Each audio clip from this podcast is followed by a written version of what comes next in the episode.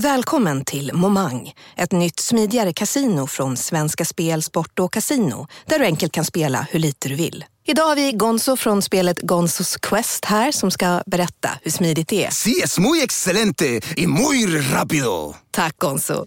Momang, för dig över 18 år. Stödlinjen.se. Dåliga vibrationer är att skära av sig tummen i köket. Ja! Bra vibrationer är ett och en tumme till och kan scrolla vidare. Alla abonnemang för 20 kronor i månaden i fyra månader. Vimla! Mobiloperatören med bra vibrationer.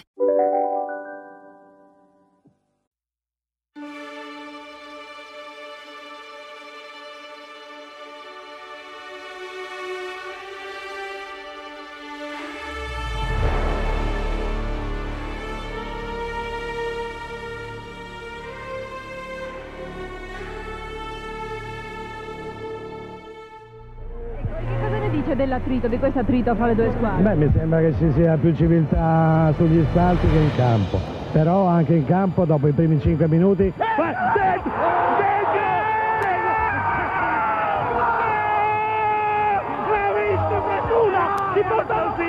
Roselli! Ed è un porto fortuna! Adesso non passano più. Non ce ne andiamo più perché pare che siamo noi a portare fortuna alla Sampdoria. tra Sampdoria e Anderlecht tenta di andare via Lombardo e sguscia molto bene sulla destra da poi al centro per Mancini la palla per Sancia lo tiro! Palo! Incredibile! E poi gol! E poi gol di Vialli!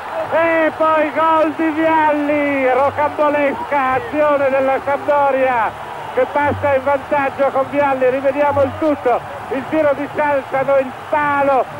La palla che sfugge al portiere. Vialli gol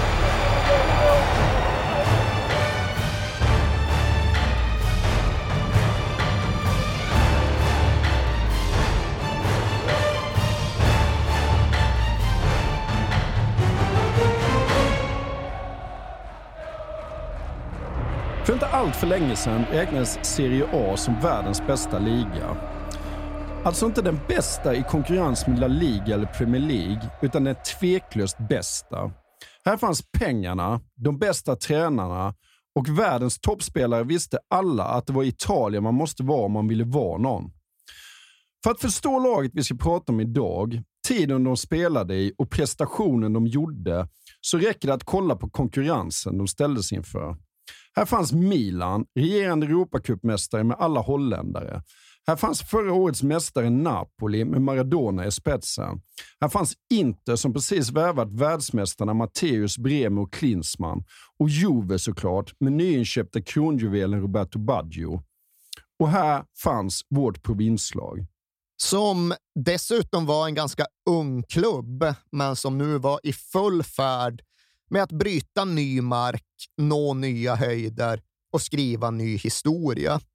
Och egentligen hade hela 1980-talet varit en enda lång pionjärstid för Sampdoria. Och till sist hade ju 1980-talet lett dem fram till den 10 maj 1989 och den fantastiskt betitlade Wankdorfstadion i Bern.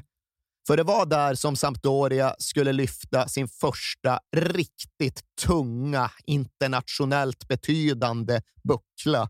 Det var där de skulle spela cupvinnarcupfinal mot Johan Cruyffs FC Barcelona. Och de hade ju haft en lång väg till den här finalen i både stort som smått. I det specifika fallet, ifall vi bara tittar på cupvinnarcupen som de hade tagit sig fram igenom, då hade de ju tidigt ställts mot svenskt motstånd.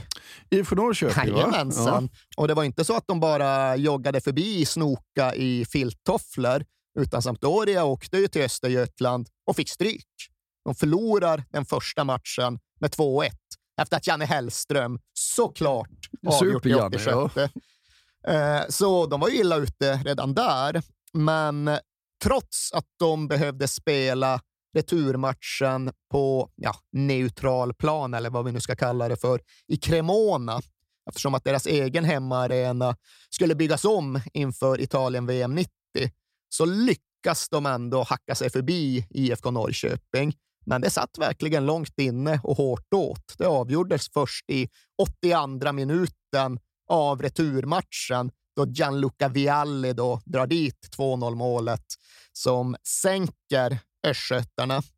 Och därutöver behöver vi inte gå igenom varje omgång under det här kuppäventyret, men till slut står de ju då där i finalen, där 1980-talet ska få sin kröning, där Sampdoria ska bli en europeisk maktfaktor. Men det är lite problematiskt redan på förhand, för det är ett jäkla skadedrabbat Sampdoria som kommer till spel i finalen. Halva ordinarie backlinjen är borta redan från start och sen släpper de in ett 1-0 mål efter tre minuters spel. Här var ju det, den upplagan av Barcelona där Gary Lineker spelade ytter med ja. nummer sju på ryggen. Gör det rätt bra där ute. Ja. River fram en yta, får in ett inlägg, sen stångas det lite och sen har Salinas gjort 1-0. Men vad bra var han en spelare? Eh, Lineker? Ja. Ah. Säg inget illa om honom. Nej, det var min idol. Det var, min absolut, det var han jag hade på väggen på pojkrummet. Men. Han var i mina ögon kanske inte en multifunktionellt spelare, eh, snarare än han var en boxspelare. Nej. Men hur som haver, Sampdoria ligger under med 1-0. De har redan halva ordinarie backlinjen borta. De får högerbacken skadad och utbytt efter 27 minuter och de får därtill kaptenen och liberon Pellegrini skadeskjuten.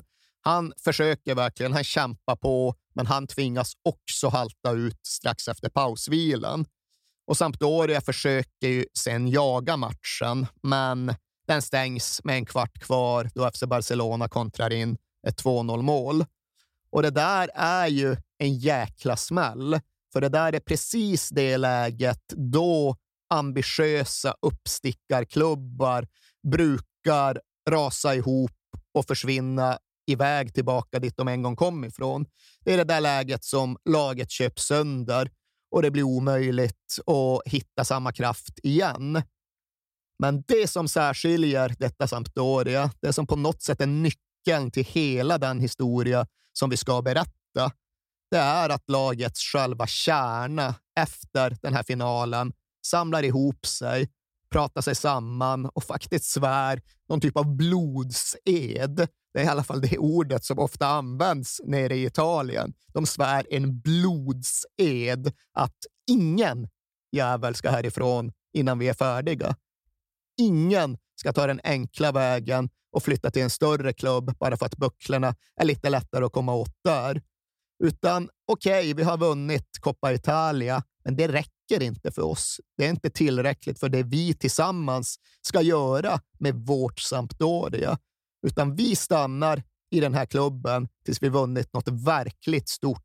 Och det gäller alla. Det är något som vi här och nu kanske inte behöver skära oss i händerna på, men som vi i alla fall ska skaka tass på. Att vi verkligen tror på, kommer hålla och komma att efterleva. Och Det kan ju låta som en ganska snabb och smärtfri slutsats att komma fram till, men det är klart att det inte var okomplicerat. Det var ju eftertraktade spelare som ingick i detta Sampdoria och en av de mer centrala, försvarshårdingen Pietro Vierkovod, han var väldigt inne på att kanske lämna i det här läget, för han hade blivit kontaktad av Arrigo Sacchis och Silvio Berlusconis AC Milan, som då var bäst i Europa. Och de ville ha honom för att spela bredvid Franco Baresi. Ja, Costa Curta, absolut, men här fanns det en uppgradering. Och förresten, Pietro, vi dubblar in lön, säger mm. Silvio Berlusconi. Och det är klart att då kräver det rätt mycket av Pietro Vierkovod och på hans känslor för och tro på sina lagkamrater och sin klubb för att säga nej Silvio, jag tänkte svära en blodsed och därför så säger jag nej till det här erbjudandet. Men det är precis vad han gör. Okej, okay, så länge alla är med, så länge alla håller detta, så okej, okay, vi kör. Vi gör på det här sättet. Vi stannar tills vi vinner något riktigt stort. Fast den backlinjen har man velat se. Baresi, Bjerkwood, Maldini. Alltså det, det, ja. Den var inte skitsvag med Costa Curta Nej, heller, det, var den det får inte, vi men, konstatera. Ja. Men hur som helst så klarar faktiskt det här Sampdoria A-laget av att ta revansch på både sig själva och på sin omvärld innan säsongen 88-89 ens har hunnit ta slut. För det är en märklig jävla koloss till säsong som håller på i stort sett hela vägen in i juli. Och 28 juni så är de fortfarande i fullt spel. Då har det gått eh, ett bra tag, så fem, sex veckor sedan cupvinnarcupfinalen. Men då ska de spela en ny final.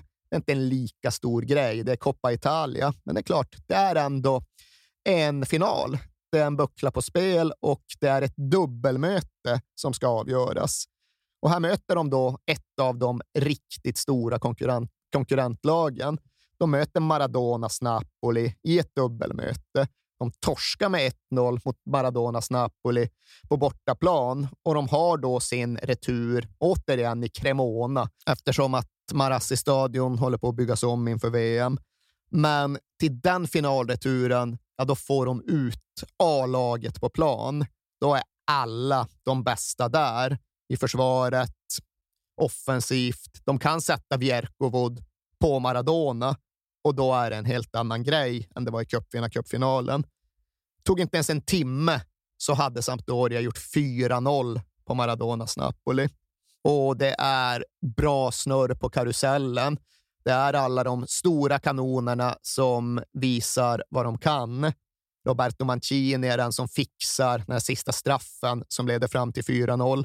Och vet du vad som gladde mig när jag tittade på det målet? Nej. var att kommentatorn, Mancini, han slår en tunnel på en Napoli-försvarare och sen blir han nerriven. När han slår den här tunneln, då tjuter den italienska kommentatorn “Tunnel!” Jag hade ingen aning om att tunnel heter tunnel. Nej, det visste inte jag heller. Men det gladde mig.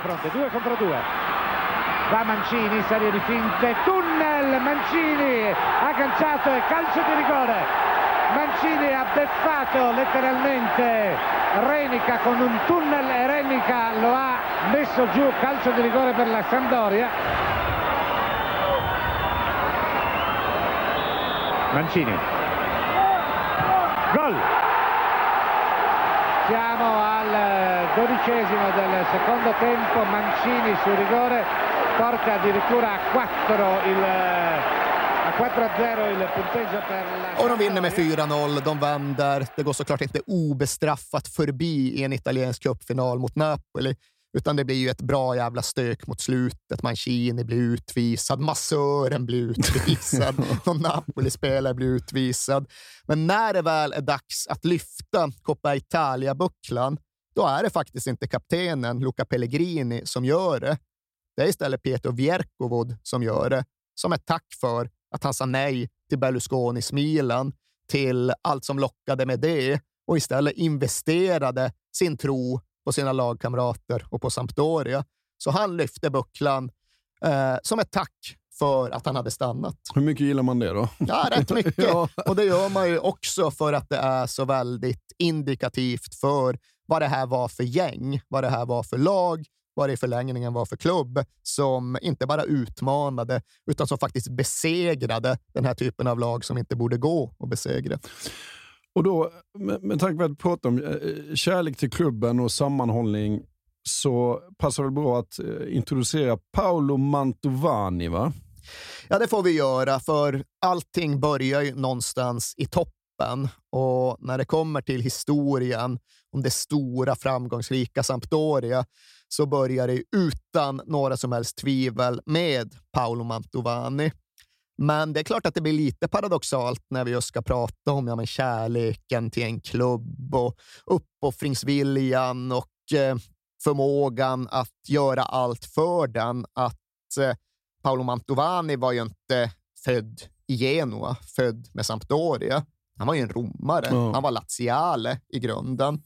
Och sen tog jobbet honom till Genua. Jobbet med olja tog Ja. honom till Genua. Ja. Och han stod tydligen inför lite olika alternativ. Du kan få Genua-kontoret, du kan få en massa andra kontor. Men då var det ändå någonting som Mantovani gillade med Genua. Som att det var staden han hade opererat blindtarmen som liten Ja. och hade någon form av varma känslor för stan därför. Men han kom till Genua som en oljearbetare från Rom med sympatier för Lazio. Och utifrån den realiteten försökte han själv ta sig an sin nya hemstad. Han var ju en man av fotbollen, så det är klart att han ville gå och känna på den även här. Men det han gjorde då var att han först vände sig till den äldsta klubben i stan, den traditionella giganten i stan, Genoa. Han gjorde ett försök att adoptera den klubben. Han köpte upp sig på säsongsplåtar där. Men efter ett litet tag blev han så förbannad på Genoas klubbpresident eftersom att han sålde Gigi Meroni. Ja. Så då blev han så jävla vansinnig. Nej, jag tänker inte gå på Genoa längre. Skit i Genoa, jag struntar i detta. Och det var inte så att han omedelbart bara korsade stan och började gå på Sampdoria istället, utan han släppte mer eller mindre det där med att han skulle adoptera en ny klubb och koncentrerade sig på oljekneget. Men sen var det ändå en dag i början av 70-talet när hans Lazio kom till stan för att spela mot Sampdoria. Han gick ju mest på den matchen för att se Lazio, men han var mer av en fotbollsromantiker än en klubbfundamentalist. Så när Sampdoria besegrade Lazio med 3-2, då förälskade sig Mantovani i Sampdorias coach, Fulvio Bernardini. Han kände att jäklar, det är den här typen av lag som jag vill se spela fotboll på regelbunden basis. Så han började gå på Sampdoria bara för att han gillade fotbollen som spelades så jäkla mycket.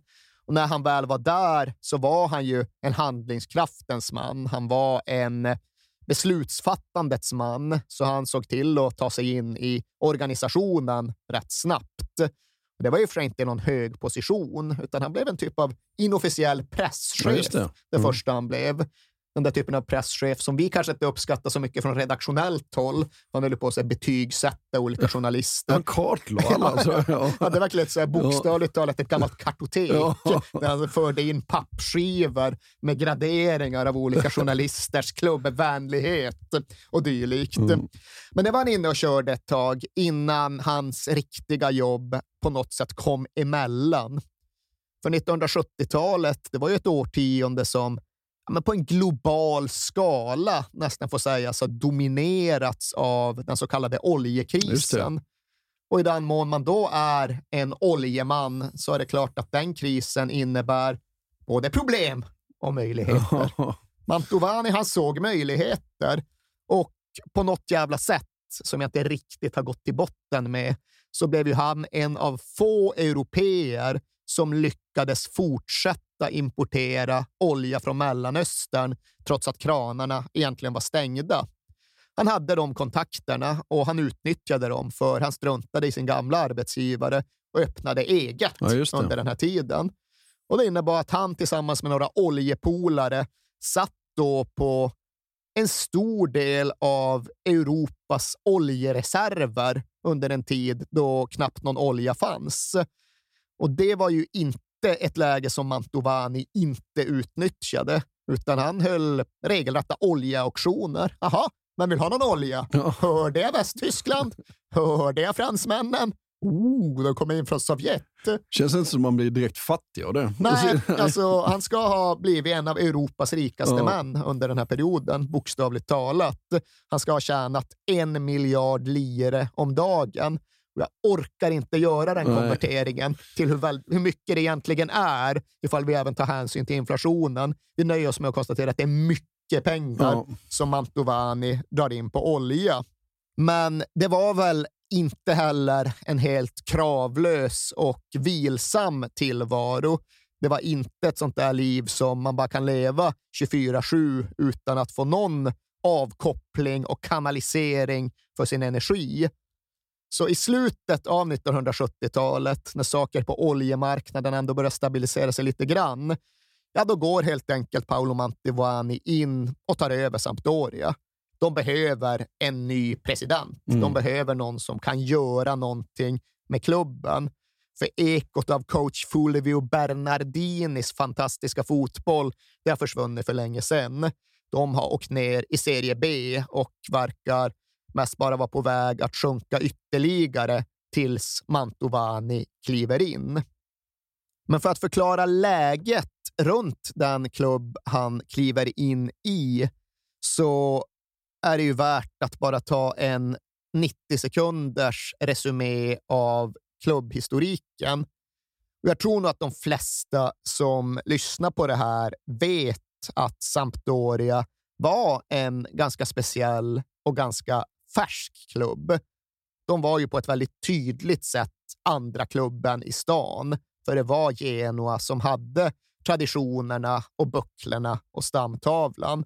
Och Sampdoria var ju en hybridklubb som fick sin nuvarande form först efter andra världskriget, då två lokala klubbar med egen identitet och egen historia helt enkelt slogs ihop. Det var Andrea Doria och det var Sampier d'Arenese. Och det är ju bakgrunden. Det är ju startpunkten. Från och med 1946 så finns inte Andrea Doria och det har ju ändå varit en elitklubb. De har varit uppe i Serie A och Serie B. Och samma gällde för Sampier d'Arenese, men de finns inte heller. Istället finns sammanslagningen av de två.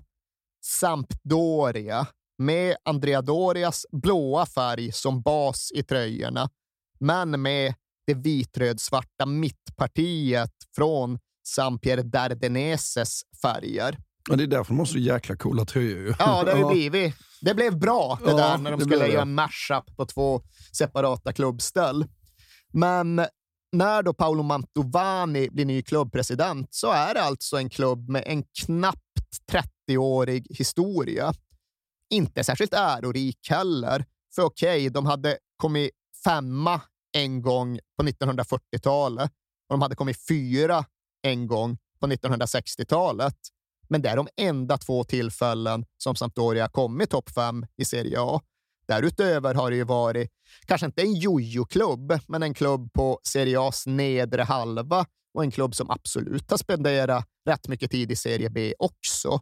Och i det här läget, 1979, är det där de befinner sig. De är i Serie B. De har aldrig vunnit ett skvatt. De är en klubb som inte riktigt kan skryta med sin historia, utan de måste bygga framtid istället.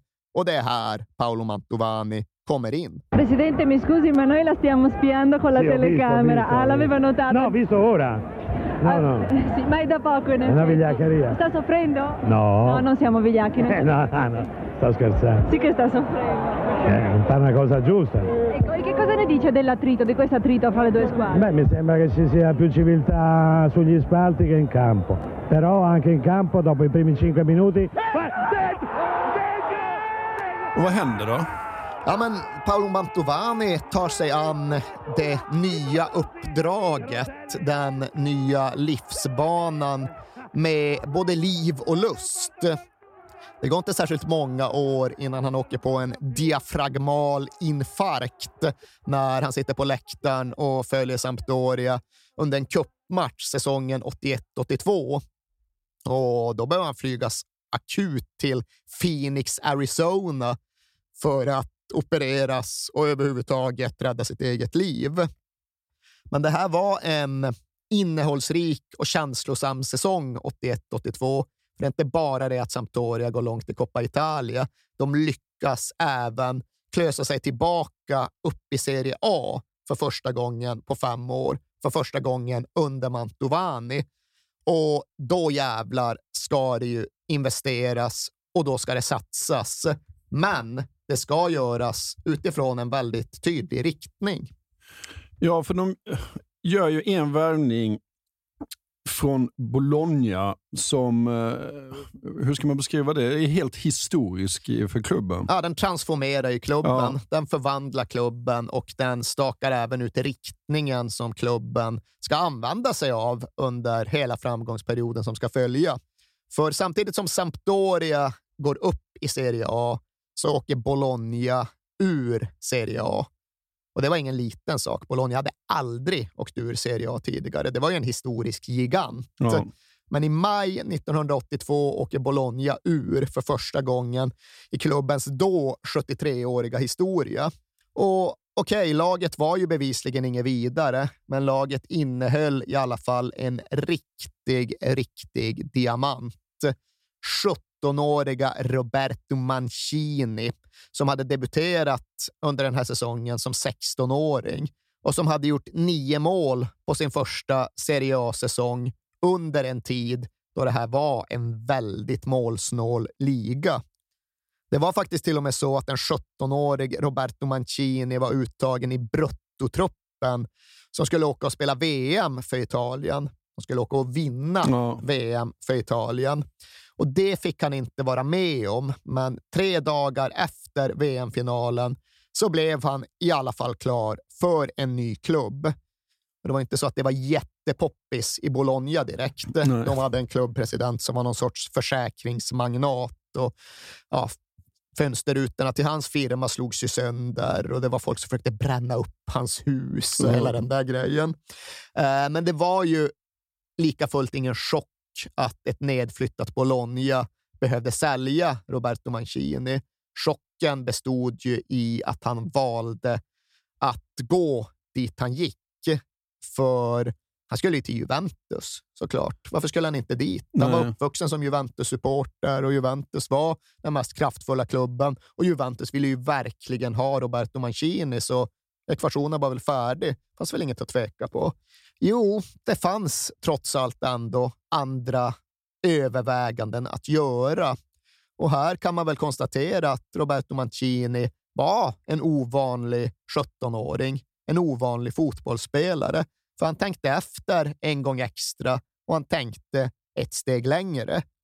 Och Det låter väl inte som världens allra mest avancerade karriärsplanering, men det var ändå ovanligt och notabelt det här med att han faktiskt lyssnade när Sampdoria ja, men sa sanningen till honom. Mm. Visst, du kan gå till Juventus, men där kommer du vara en spelare i mängden. Där kommer du behöva sitta på bänken under många matcher i flera års tid. Och det är en situation som mycket väl kan kväva din utveckling. Ifall du istället kommer till Sampdoria, ja, men då blir du vår bandiera. Ja. Då blir du spelaren, symbolen som vi ska bygga klubb runt. För det här är vad vi tänker oss. Vi tänker oss att vi ska värva alla de bästa italienska tonåringarna och sen ska vi låta dem växa tillsammans.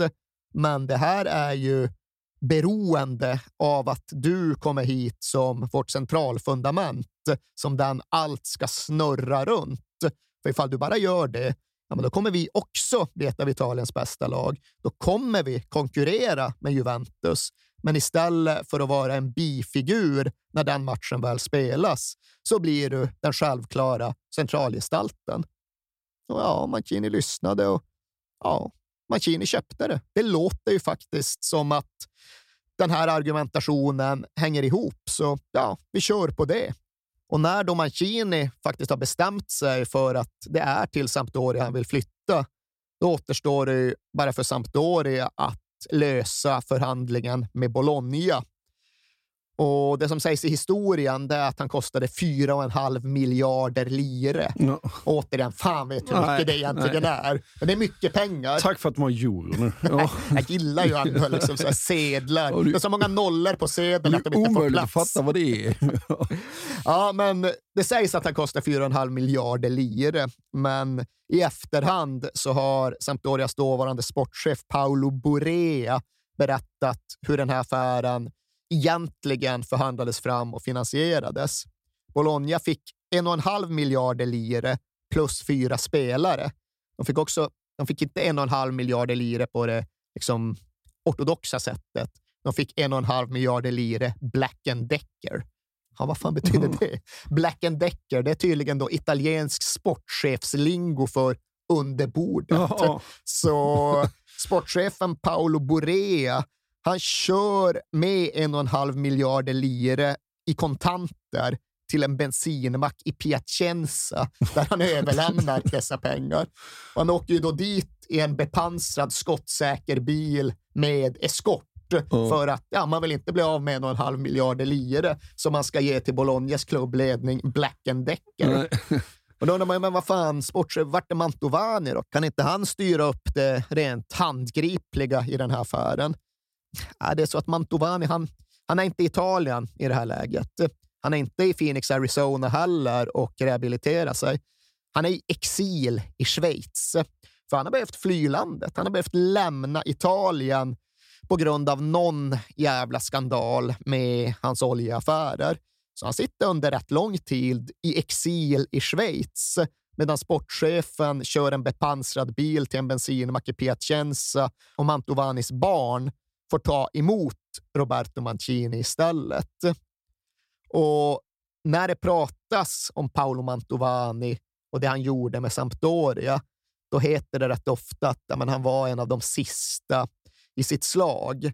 För han var ju den här mecenatpresidenten. Mm. Han var i praktiken bara en välgörare som enbart ville att klubben skulle få framgång utan att ha några dolda motiv med det.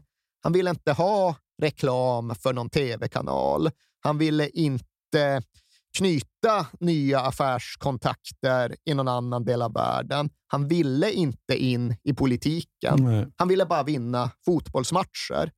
Och det är nog sant, men det ska även sägas att han hade ju sin bakgrund och sin historia. Det var inte så att han var fläckfri och okomplicerad.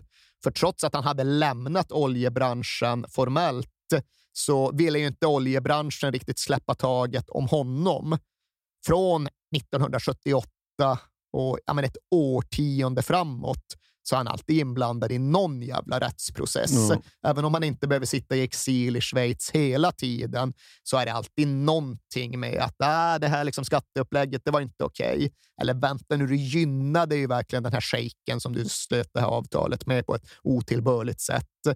Uh, det var det åttonde med det nionde. Det var uh, tullskatter som inte hade pröjsats och det var absolut så att rättvisan nafsade Paolo Mantovani i hälarna. Men han uppfattades inte som en shejkfigur, en oligarktyp, en Berlusconi-maktspelare, utan han uppfattades som en klubbpresident som inte hade några andra intressen än att bygga upp Sampdoria. Fansen älskade honom, spelarna älskade mm. honom och det är väldigt centralt i den här berättelsen att förstå. Men han var även inte bara ungt, det var gammalt också.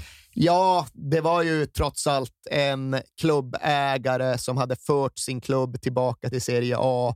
Och ja, Mantovani, han ville ju avtryck också. Det skulle ju vara spektakulärt och det skulle ju bli genomslag. Det skulle inte bara vara långsiktiga 17-åringar. Så samma sommar som Sampdoria återvände till Serie A, samma sommar som de knyter till sig Roberto Mancini, då värvar ju även Mantovani engelsmannen Trevor Francis, mm. känd för lite olika saker. Han var den som sänkte Malmö FF i Europacupfinalen 79. Han var den första brittiska spelaren som kostade en miljon pund och han var rätt bra i Spanien-VM 82. Han var i alla fall så bra att Mantovani förälskade sig i honom när han såg honom spela.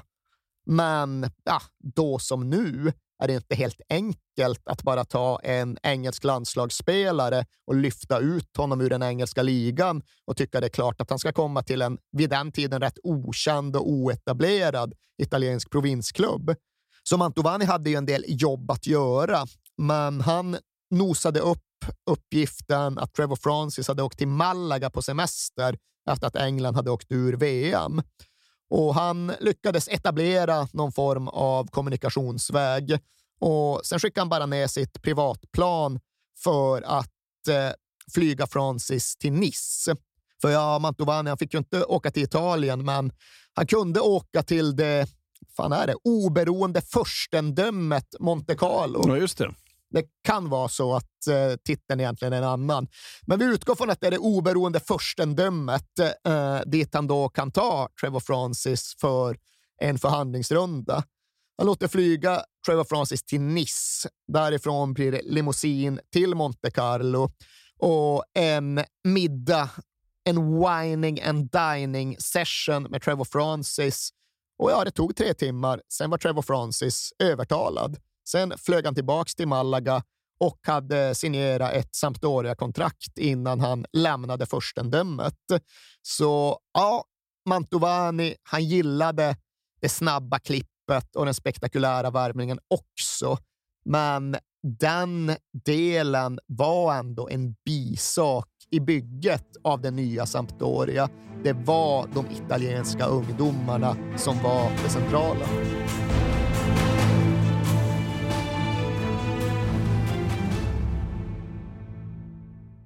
Jag vill inleda med att säga att det är garanterad jackpot på 13 miljoner på Stryktipset. Och fy fasen. Ja, visst.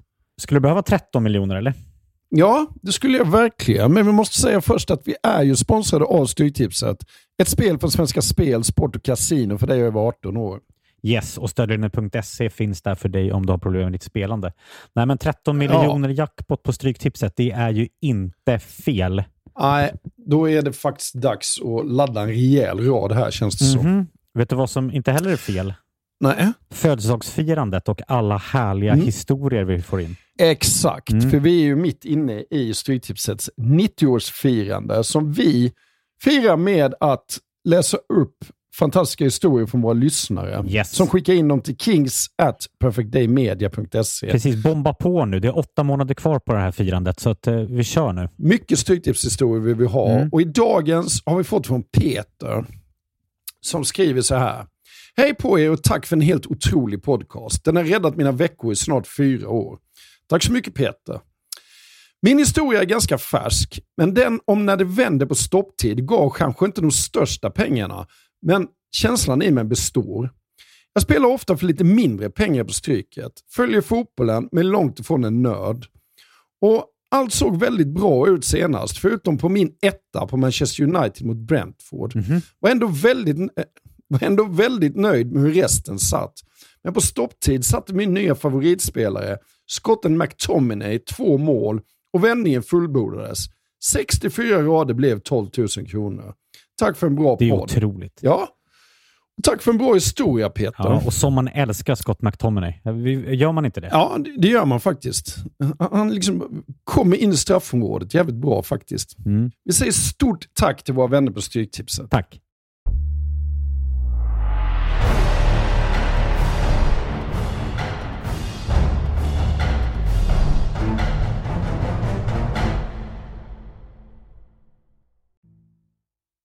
Två år senare så värvar han ju ännu en diamant. Ung diamant. Ja, och det är egentligen inte så att Gianluca Vialli är nästa man i ledet, för Sampdoria hade ju gjort det till ett tydligt arbetssätt att plocka upp de italienska ungdomslandslagens bästa spelare.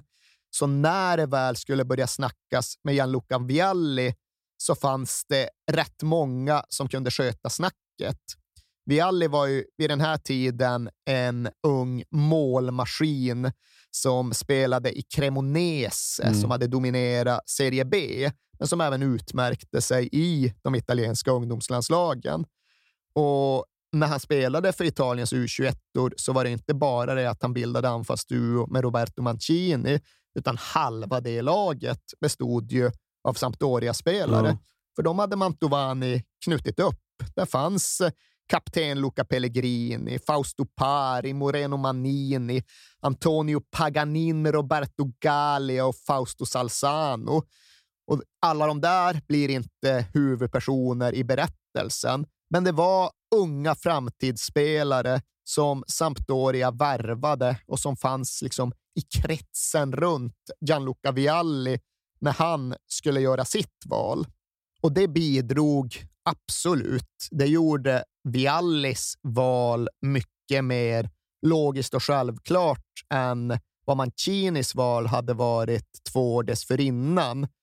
Och det förklarades ju inte minst då med att han redan på den här tiden hade skapat ett ja, men nästan telepatiskt samarbete med just Roberto Mancini. Mm. De hade ju följts, de var, nästan, de var jämnåriga. De, vad var det, fem månader som skilde dem i ålder. Så de hade ju följts åt upp genom alla de italienska pojk och ungdomslandslagen och de funkade fenomenalt bra tillsammans.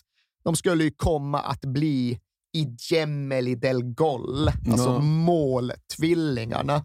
Och de kompletterade ju varandra fenomenalt bra. Och det var på ett sätt självklart eftersom att de tänkte fotboll på ett så likartat sätt, men på ett annat sätt överraskande för att de kom från så olika bakgrunder och hade så skilda temperament. Ja, för jag älskar ju verkligen att eh, Mancini var korgosse under uppväxten, måste jag säga. Ja, ja och eh, förblev ju en ganska lugn och stillsam person utanför planen, men förbyttes så fort han kom till en fotbollsarena. Mm. Då var han ju så extremt intensiv och eldig. Eldig? Det står i varenda text om honom. Och krävande ja. eh, så fort han befann sig runt en fotbollsplan. Medan Vialli var mycket mer välbalanserad och fokuserad på sin egen insats när han befann sig runt ett straffområde.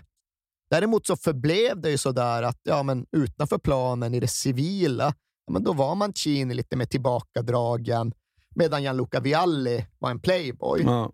Och det var ju inte helt obegripligt för ja, Roberto Mancini, han var korgosse, men han var ju också en ganska liksom, vanlig snubbe sett i sin bakgrund. Hans föräldrar var snickare respektive sjuksköterska, medan Gianluca Vialli ju kom från ett helt annat sammanhang. Och det som ofta sägs, det är ju den här spektakulära uppgiften att fan, Vialli, han växte upp i ett 1500-talsslott med 60 rum. Mm. Och det är sant och det är inte sant. För ja, familjen, släkten Vialli, de hade det där 1500-talsslottet utanför Cremona i Grumello. Men det var inte där de bodde. Det var bara deras sommarhus. Liksom. där var de bara och vibade runt lite på helgerna och på somrarna. Och okej, okay, huset de egentligen hade inne i Cremona, det var inte lika spektakulärt. Det hade ingen egen Wikipedia-sida, men det var ju ändå ja, väl så stort pampigt och storslaget. Så när Gianluca Vialli lärde sig att spela fotboll så gjorde inte han det på någon liten grusplan i kvarteret. Han lärde sig spela fotboll i familjens balsalar. Och ja, men Gianluca Vialli, han var ju en aristokrat. Han kom från inte en adelssläkt, men en väldigt rik släkt. Var framförallt prefabricerade hus mm. som de hade tjänat pengar på. Så på ett sätt går det väl att hävda att det var ganska nya pengar, men de köpte ändå in sig på just det här borgerliga aristokratlivet. Gianluca Viallis mamma, Maria Teresa, de gånger hon har pratat om sin, fot, om sin sons fotboll då hon ändå uttryckt sig i termer av att eh, ja, han spelar som en gentleman och han spelar på ett sätt som särskiljer honom från de andra råa sällarna där ute. Gianluca, han rör sig som han rör sig. Ja, men det är inte för att han är rik, det är för att han är elegant. Mm. Och och därifrån kom Gianluca Vialli.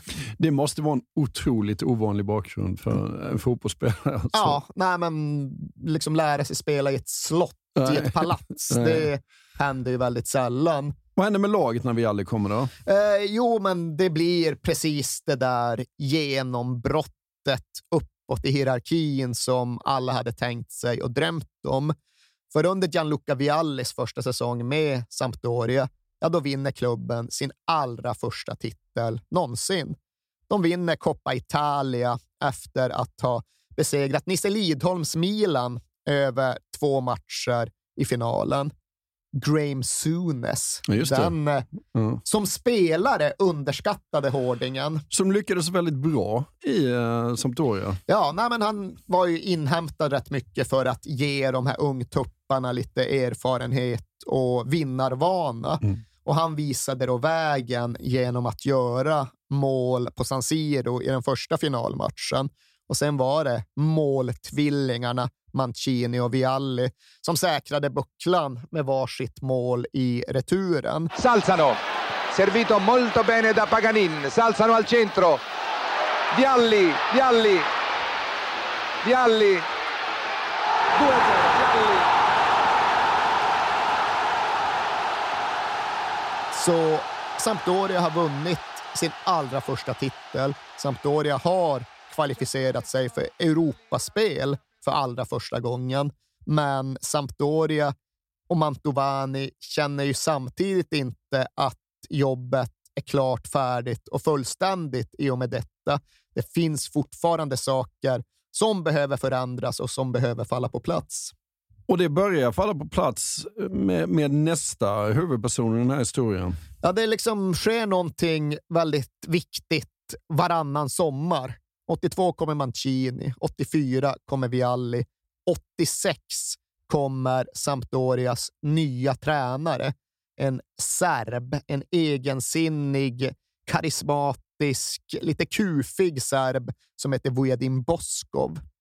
Fram till dess hade Sampdoria haft en annan tränare som hette Eugenio Bersellini.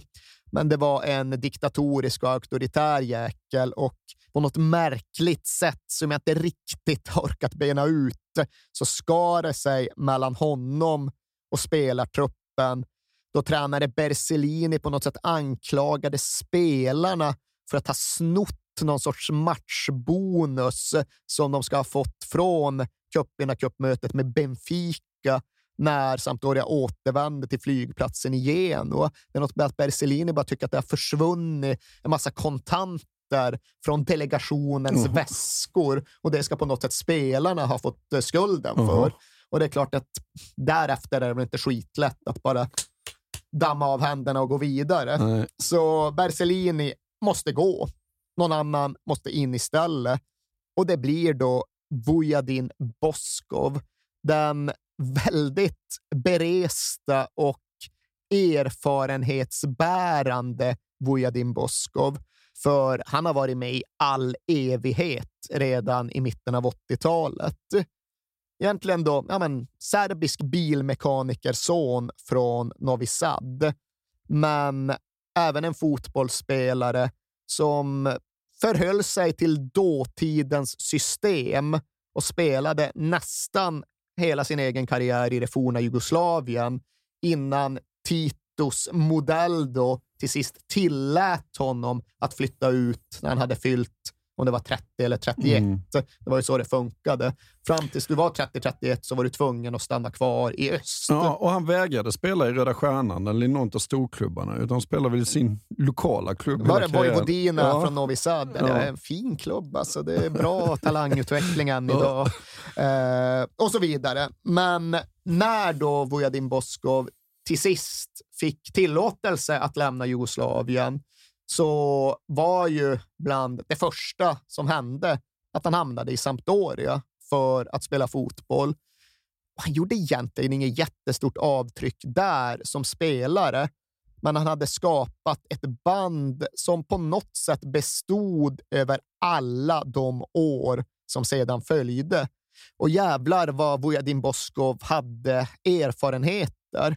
När man tittar på hans CV så kan man konstatera att okay, han var förbundskapten för Jugoslavien här, han var förbundskapten för Jugoslavien här. Och det är liksom nästan 30 år emellan två ja. av de tillfällena.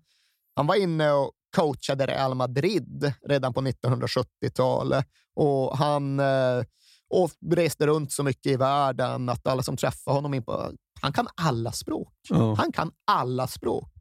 Och han är kanske inte flytande på dem, men han behärskar dem tillräckligt bra för att göra sig förstådd.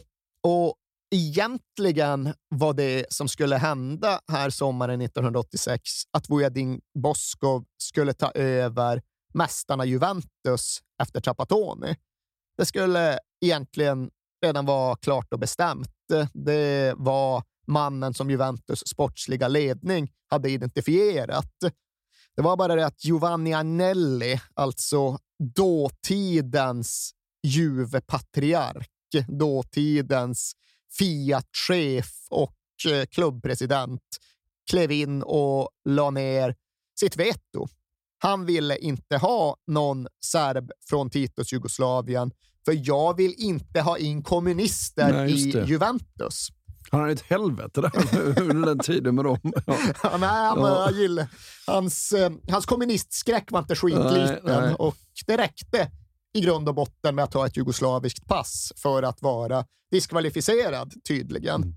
Så än en gång så var någonstans Juventus olycka, eller vad vi nu ska kalla den, Sampdorias välsignelse. För när det inte blev något med Juventus, då fanns ju det där gamla bandet till Sampdoria och till Genoa.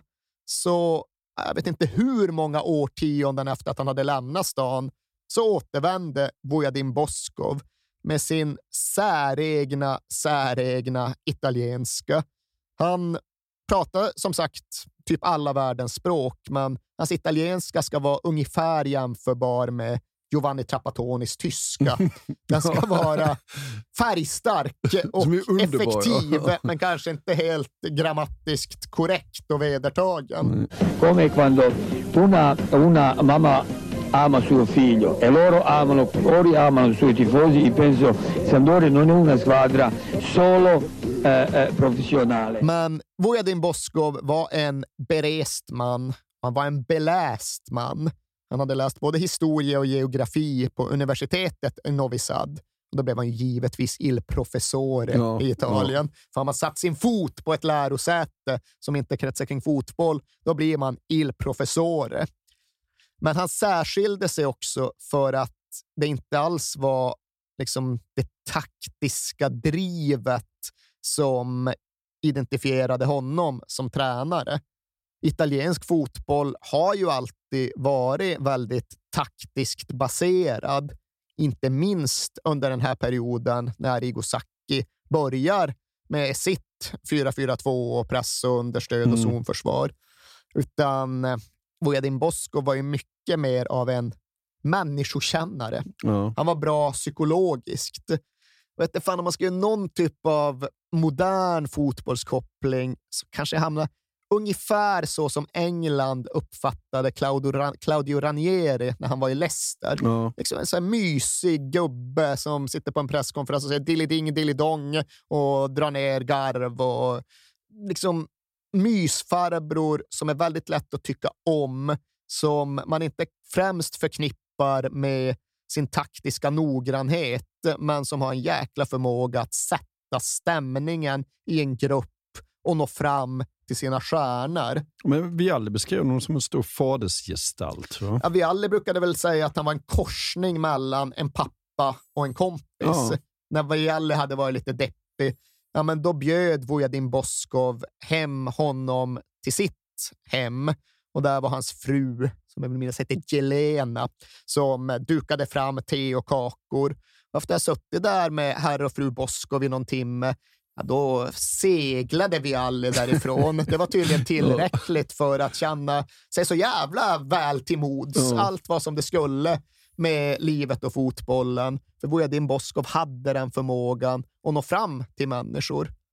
Jag pratar om Claudio Ranieri, men dåtidens italienska parallell, det var ju Nisse Lidholm, mm. som också uppfattades på ungefär det sättet nere i Italien.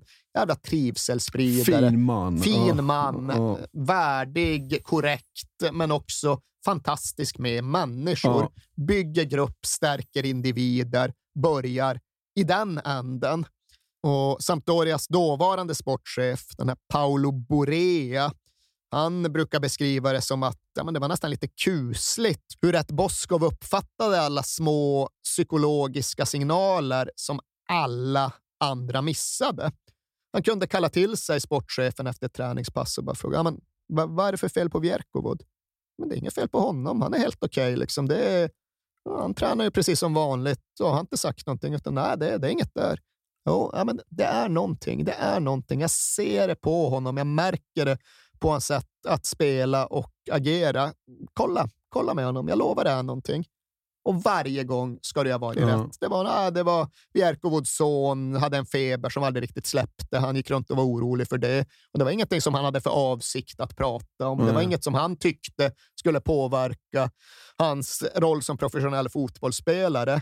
Men han uppskattade ju att någon noterade det, att någon förstod hur han hade det och att någon förhöll sig till det. Ja. Och det där ska tydligen Boskov ha varit helt överjävlig på. Ja.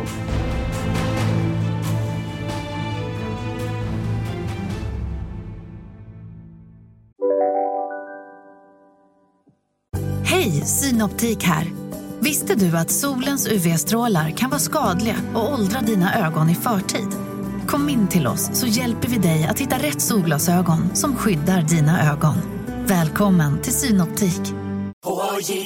På Sveriges största jackpot-kasino går hypermiljonen på högvarv. Från Malmö i söder till Kiruna i norr har hypermiljonen genererat över 130 miljoner exklusivt till våra spelare. Välkommen in till Sveriges största jackpot-kasino, hyper.com. 18 plus, regler och villkor gäller. Om en yogamatta är på väg till dig, som gör att du för första gången hittar ditt inre lugn, ett lugn du inte trodde fanns, som gör att du blir en trevligare partner, en bättre bilförare, en bättre kock.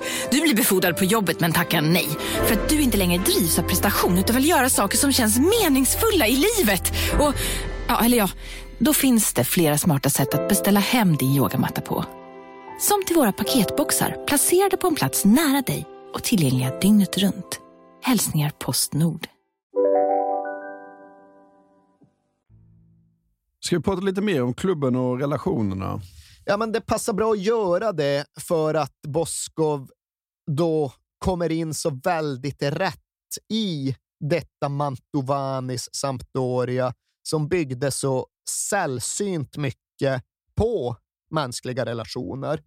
Och det var mänskliga relationer de unga spelarna sinsemellan. Det var relationen just mellan tränare och spelare.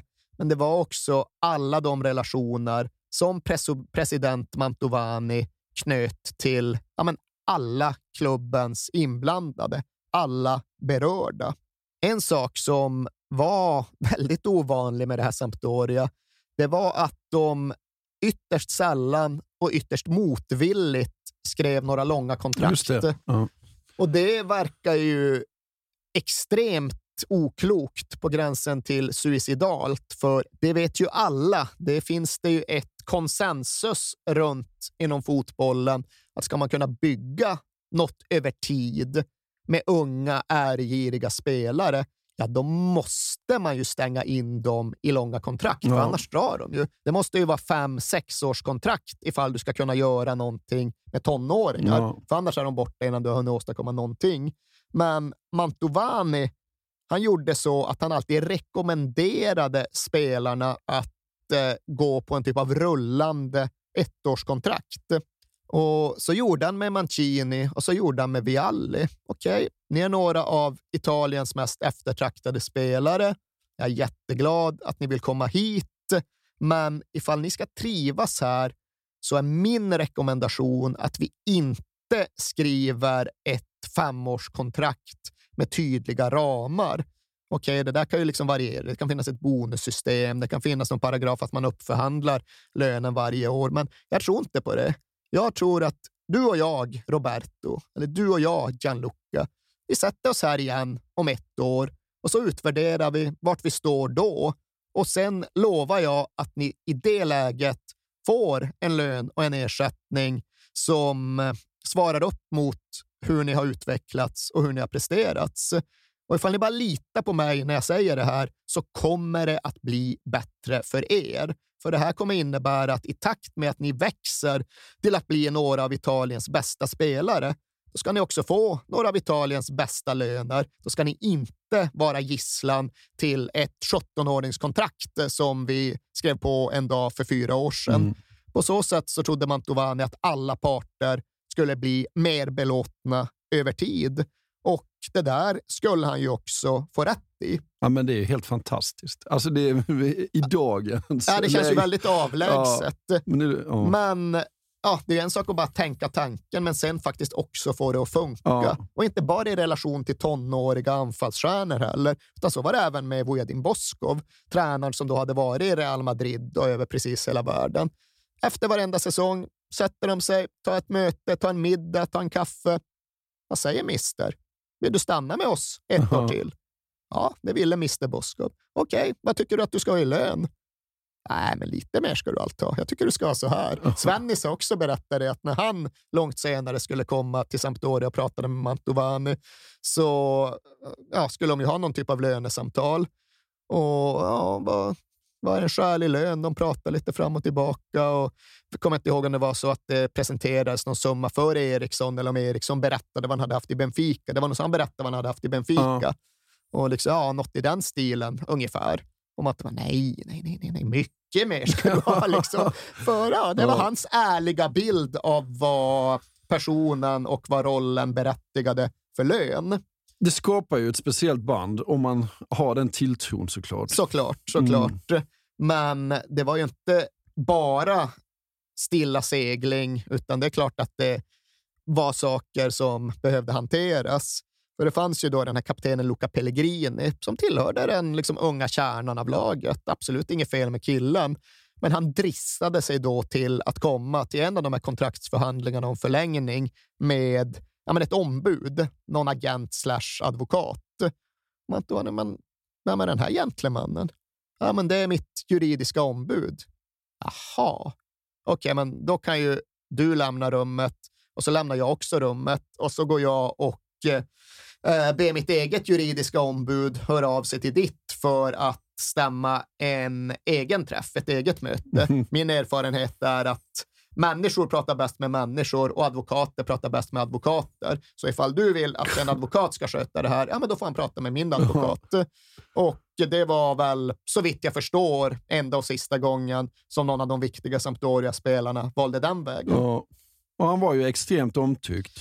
Ja, han var ju det. Eh, och vissa av de här banden som knöts var så starka att de nästan saknar motstycke i fotbollsvärlden.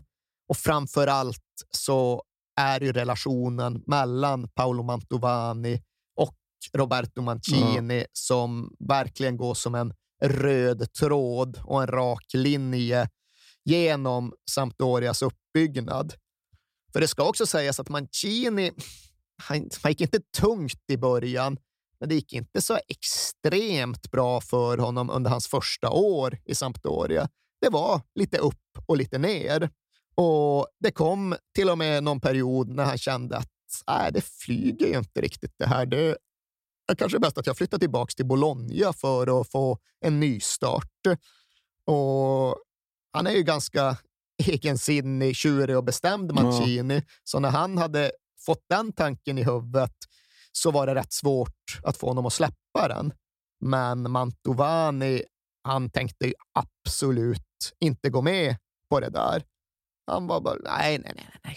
kom över ikväll. Jag bakar pizza och då står Mantovani där, ugnen, spaden, kockmössan, gör sna ja, har snacket. Jag vet inte fan vad det är han säger som är så magiskt, men det är ju inte tal om att Mancini ska flytta till vare sig Bologna eller till Roma eller någon annanstans när Mantovani har bakat klart sin pizza mm. i hemmaugnen. Och där var det ju verkligen en fråga om att ja visst, alla djur är jämlika, men vissa djur är lite mer jämlika än andra. Mancini var ju favoriten. Ja. Mancini var den eh, privilegierade sonen.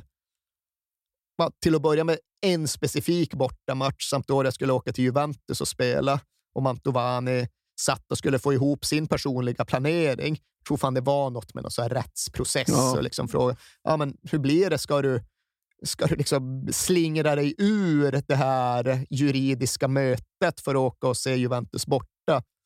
Vänta, jag ska kolla. Ringer Vojadin Boskov. Du, Mancini var lite halv... Ska, ska Mancini spela? Nej, han kommer inte till start. Nej, mm. men då kommer jag inte.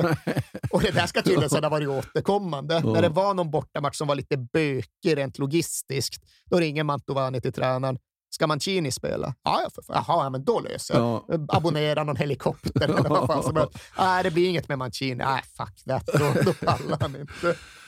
Och han hade ju såklart ett enormt jäkla hus med en helt hänförande utsikt ovanför Bogliasco, där för övrigt Sampdorias träningsanläggning ligger. Det var den träningsanläggning som Mantovani lät bygga bland det allra första ja. han gjorde.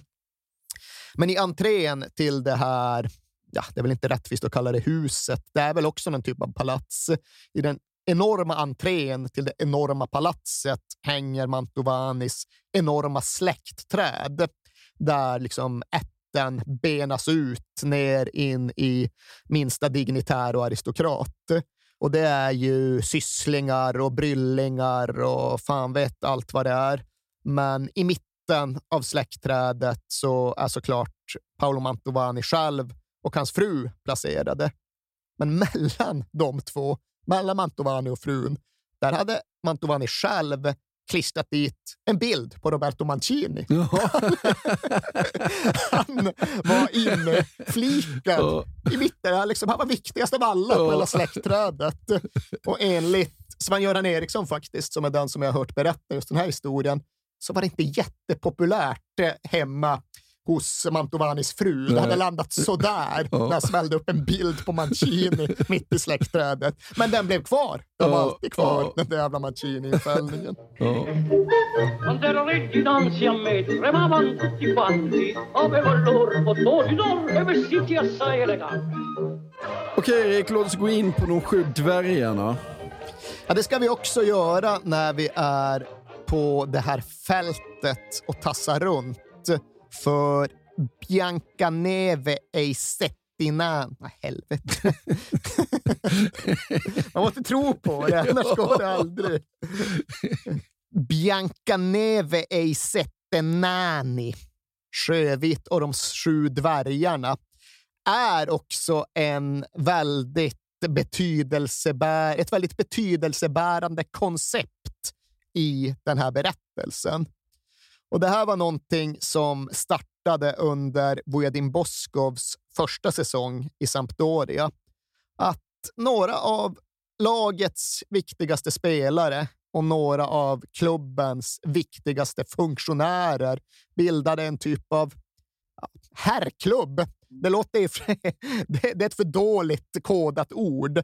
De bildade ett eh, specifikt kompisgäng som bestämde att varje torsdag från och med nu och framåt så ska vi träffas.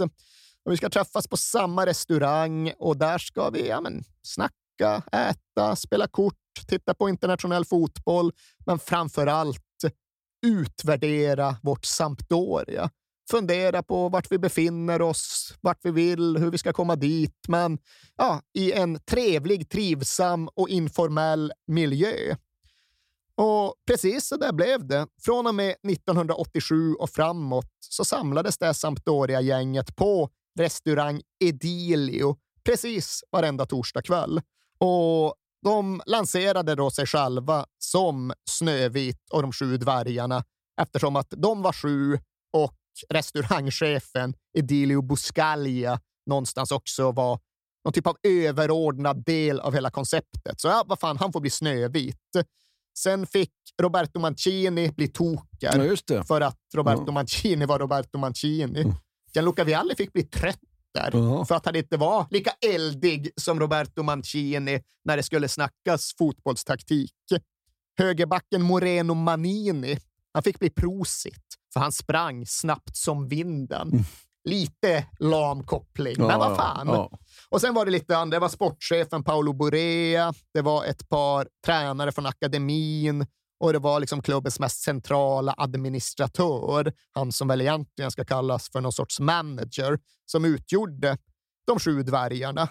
Och de, jävla vad de gillade det där konceptet. De liksom lanserade det med kraft och varje plats hade en specifik servett med respektive smeknamn inbroderad. Så de paketerade verkligen idén om Snövit och de sju dvärgarna. Men det gjorde de med rätta, för det kanske inte låter så oerhört anmärkningsvärt det här med att några av lagets bästa spelare och sportchefen och några klubbpersonligheter därutöver käka middag varje torsdag. Men tro mig att det var viktigt.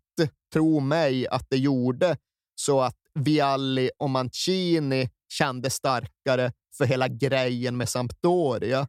Tro mig när jag säger att det där knöt ihop hela klubben på ett extremt funktionsdugligt sätt.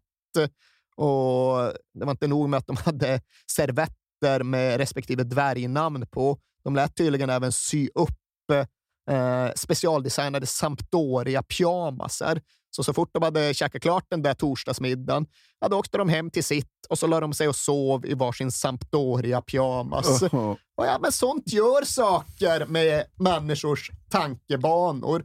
Mm. Och fan, det är väl bara att lyssna själv. Det är klart man hade velat vara med på de där torsdagsmiddagarna. Sitta och spela kort med Mancini och Vialli och satt lite press på Snövit för att man vill ha en pizza till lite snabbare från ugnen. Jag hade hellre velat vara med i Newcastles eh, torsdagssamlingar faktiskt. Jo, men du är en råbarkad jävel.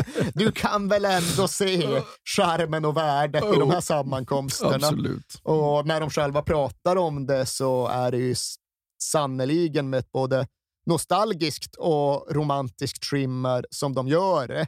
Det är bland det roligaste och bland det vackraste jag någonsin upplevt, säger Gianluca Vialli när han refererar tillbaka till sina torsdagsmiddagar.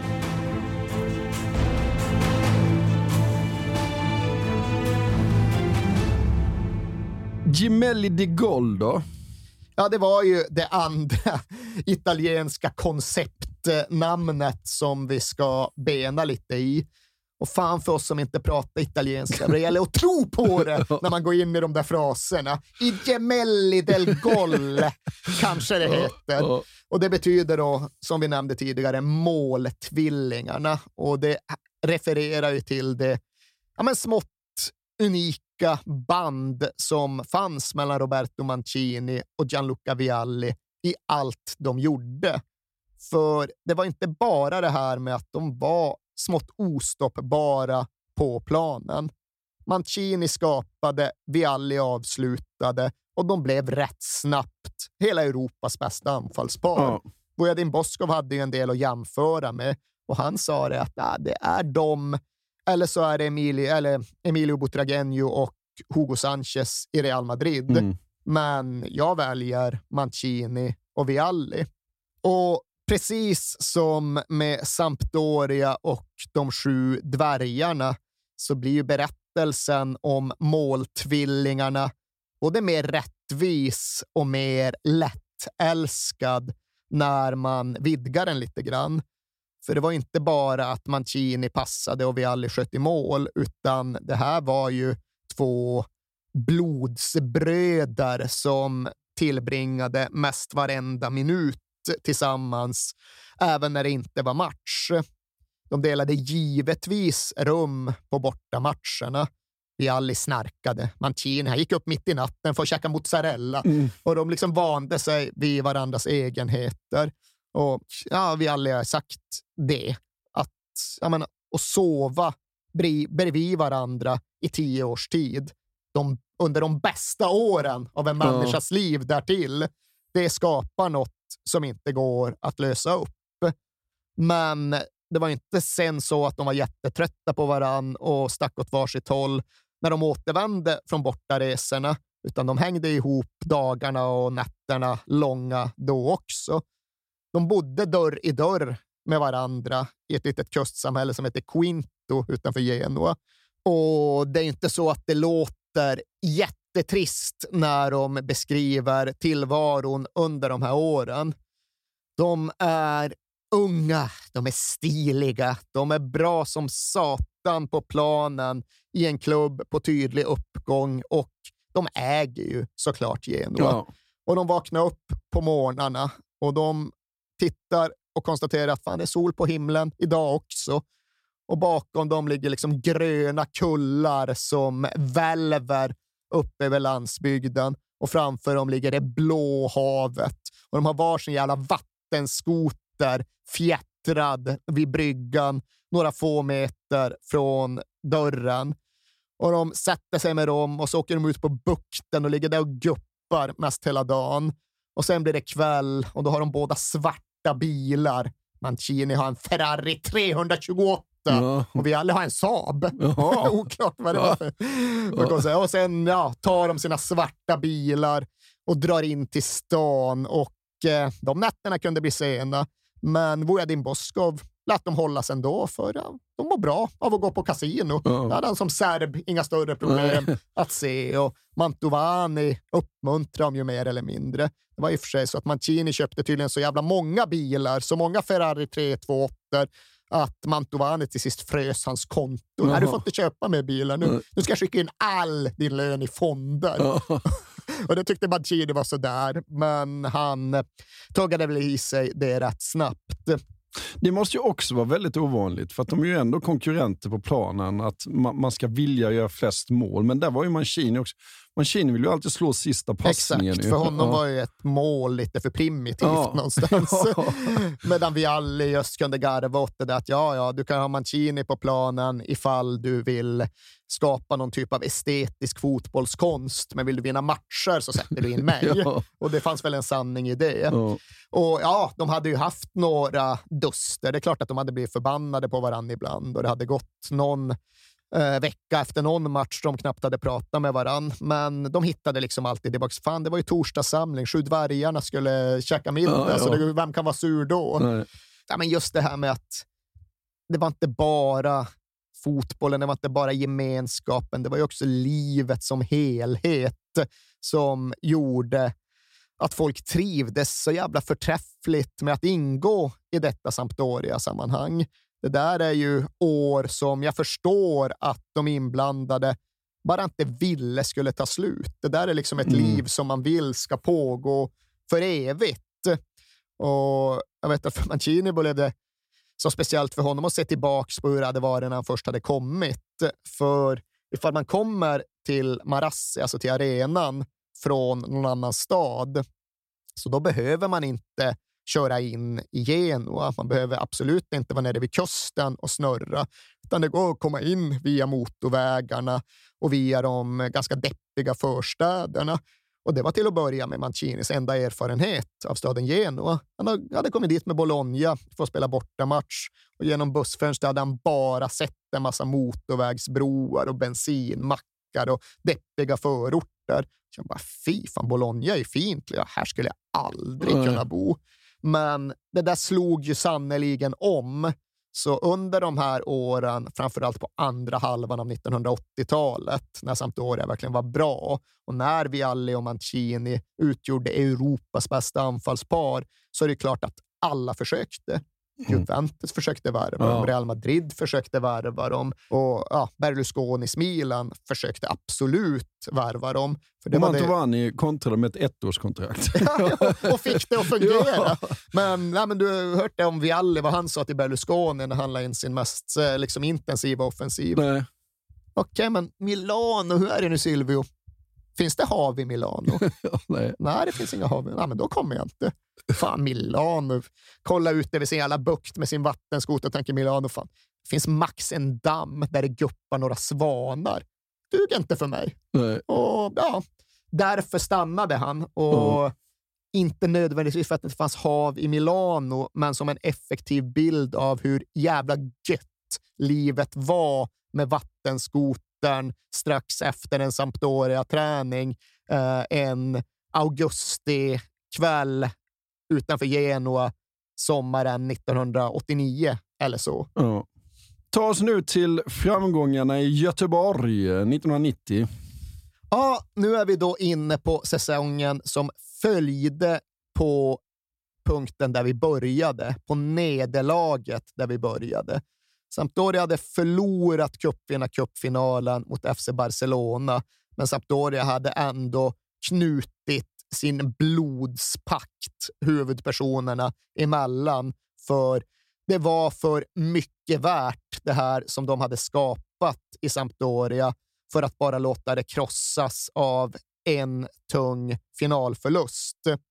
Bjerkovod flyttade inte till Milan för Roberto Mancini och Gianluca Vialli hade hasslat honom för mycket. Du kan inte flytta din jävla förrädare. Du kan först vinna scudetton och sen kan du dra. Ja. Men du kan inte flytta till Berlusconis Milan nu. De har inget hav där.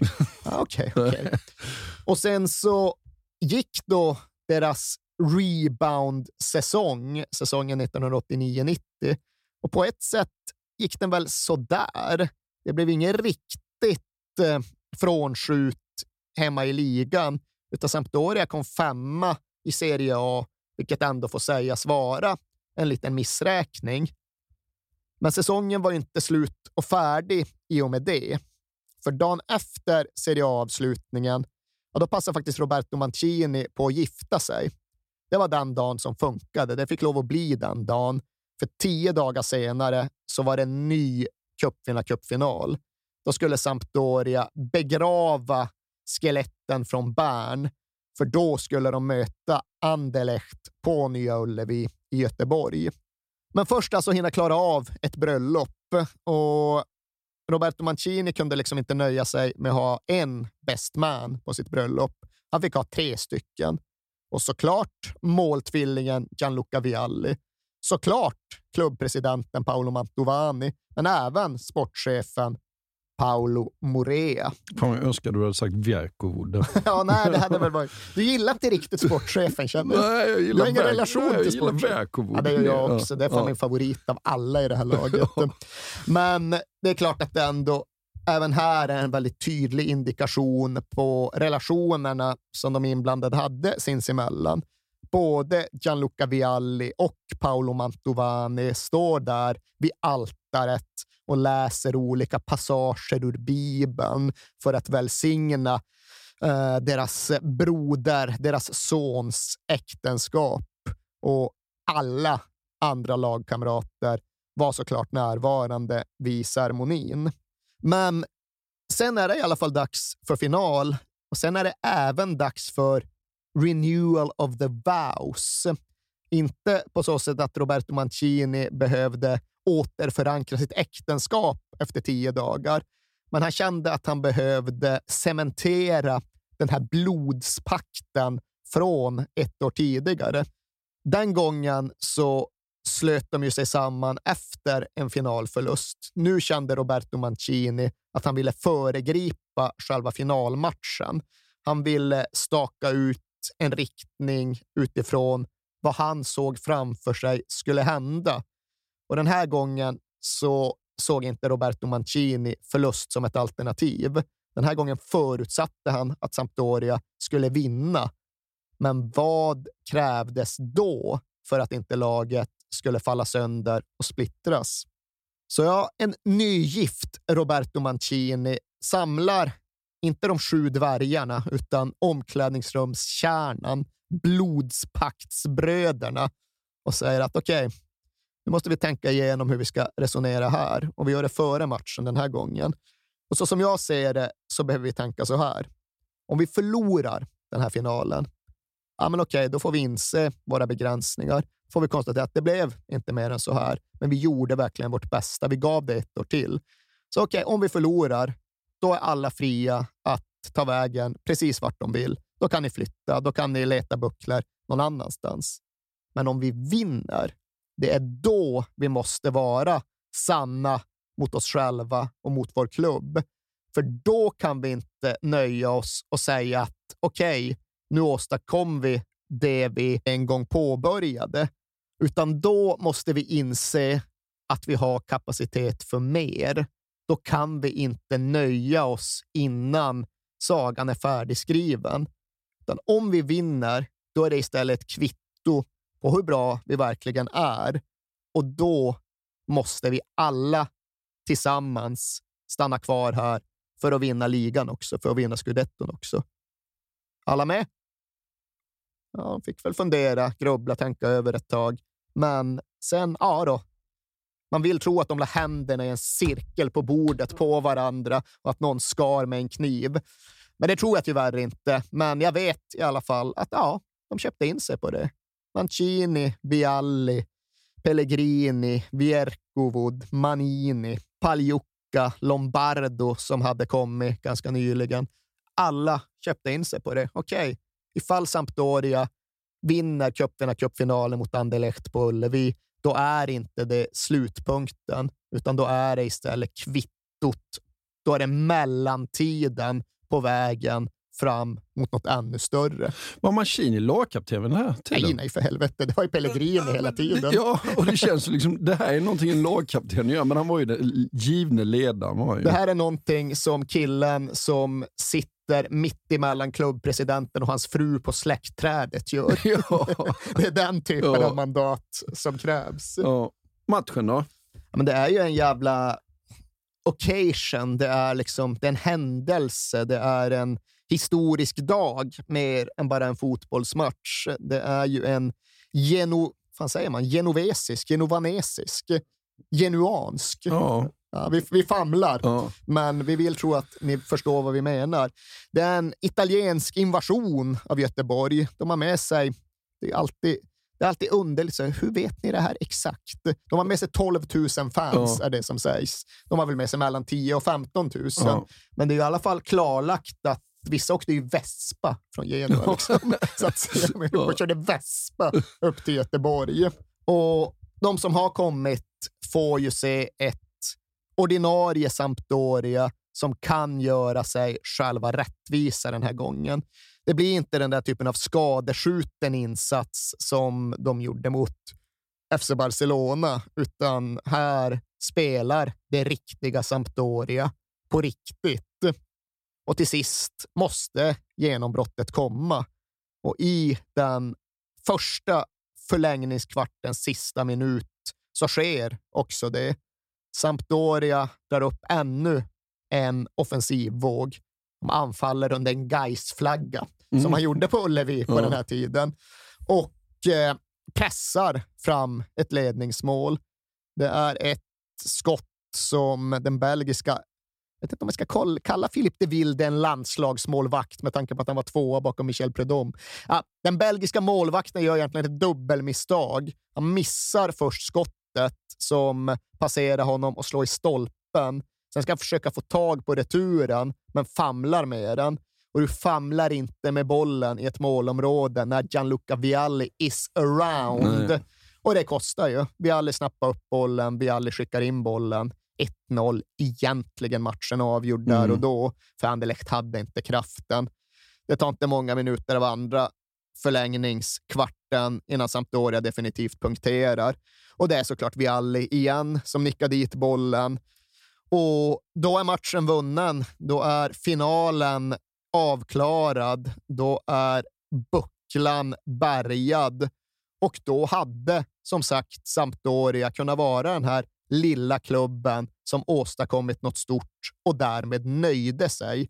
Men så skulle det inte bli. Det hade de bestämt. Tenta di andare via Lombardo, sguscia molto bene sulla destra, da poi al centro per Mancini, la palla per Sanza, lo tiro, palo, incredibile!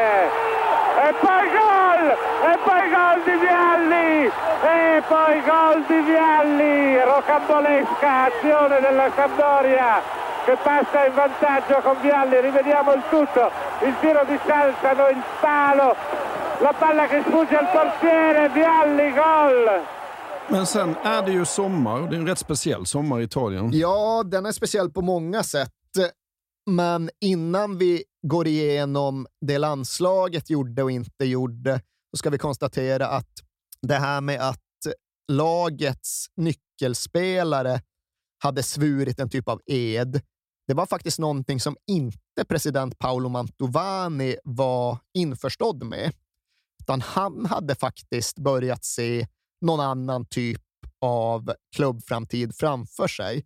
Han hade resignerat inför det här med fotbollens oundvikliga livscykler, så han hade börjat planera för att sälja av laget. Han hade redan kommit överens med Juventus om att sälja både Gianluca Vialli och Pietro Vierkovod.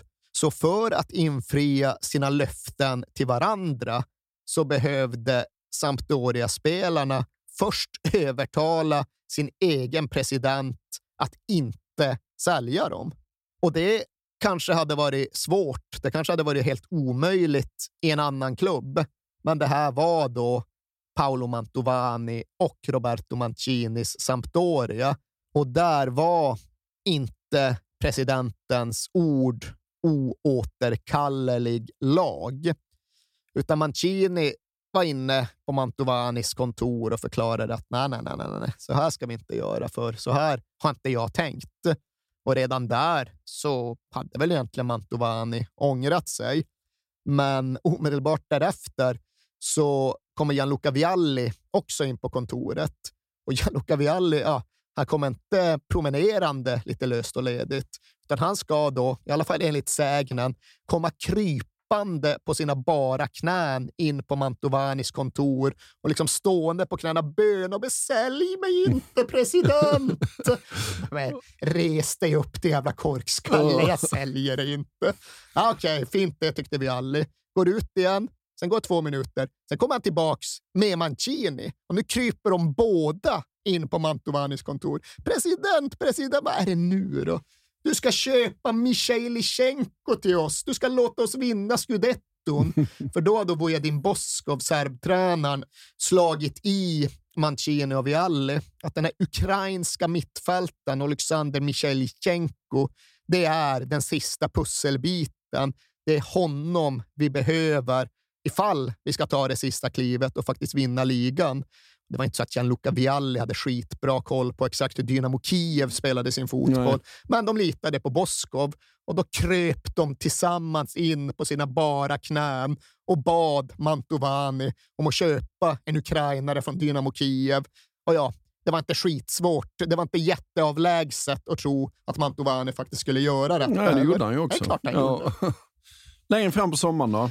Ja, då har det ju varit VM i Italien och det var verkligen ingen liten sak. Det var ju otroligt fokus på den turneringen. Enorma förhoppningar på den turneringen.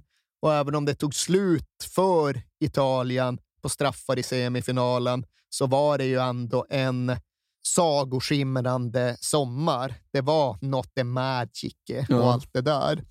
Men det var det ju inte för Sampdoria-spelarna utan de hade ju inte bidragit egentligen alls.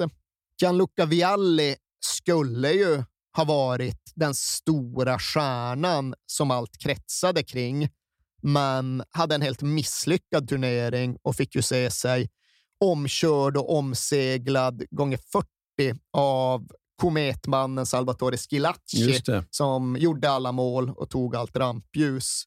Och Roberto Mancini han gjorde inte en minut. Han fick inte spela en sekund i Italiens eget VM. Pietro Vierkovod fick komma in när det inte längre betydde någonting. Och Det var en sån där uttagning som många hade svårt att förstå, för var det något Vierkovod var bra på så var det att radera ut motståndarnas stjärnor, till exempel Diego Maradona. Ja. Men ja, nej, han bidrog inte heller och det gjorde ju inte reservmålvakten Gianluca Pagliuca heller. Så Sampdorias bidrag till VM 90 var obefintligt. Mm. Det blev ingenting. Och efter VM så drog Mancini, Vialli och Vierkovod på semester till Maldiverna tillsammans. För det var, det var sånt de gjorde. Ja. Det var tredje sommaren i rad som ett Sampdoria-gäng hade dragit på exotisk semester ihop. Efter EM 88 så hade de dragit till Barbados. Mm. Och eh, då var det Vialli, Mancini, Paris, Salzano och Bocchini. Men ja, det där var en grej de gjorde. De åkte på semester ihop. De tuggade i sig en mästerskapsbesvikelse. De hittade ett sätt att kanalisera även den frustrationen i framåtrörelse för Sampdoria.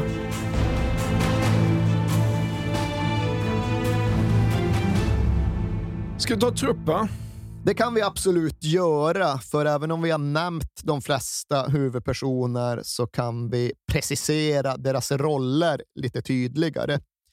Gianluca Pagliuca, då målvakt, obestridlig ännu en sån här spelare som hade värvats på Sampdorias premisser så tillvida att de hade identifierat den mest lovande unga italienska spelaren på en position.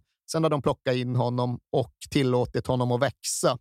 Han var bara 20 när han kom till Sampdoria och italiensk fotbollstradition är ganska oförlåtande mot tanken på att ställa en så ung målvakt i mål. Mm.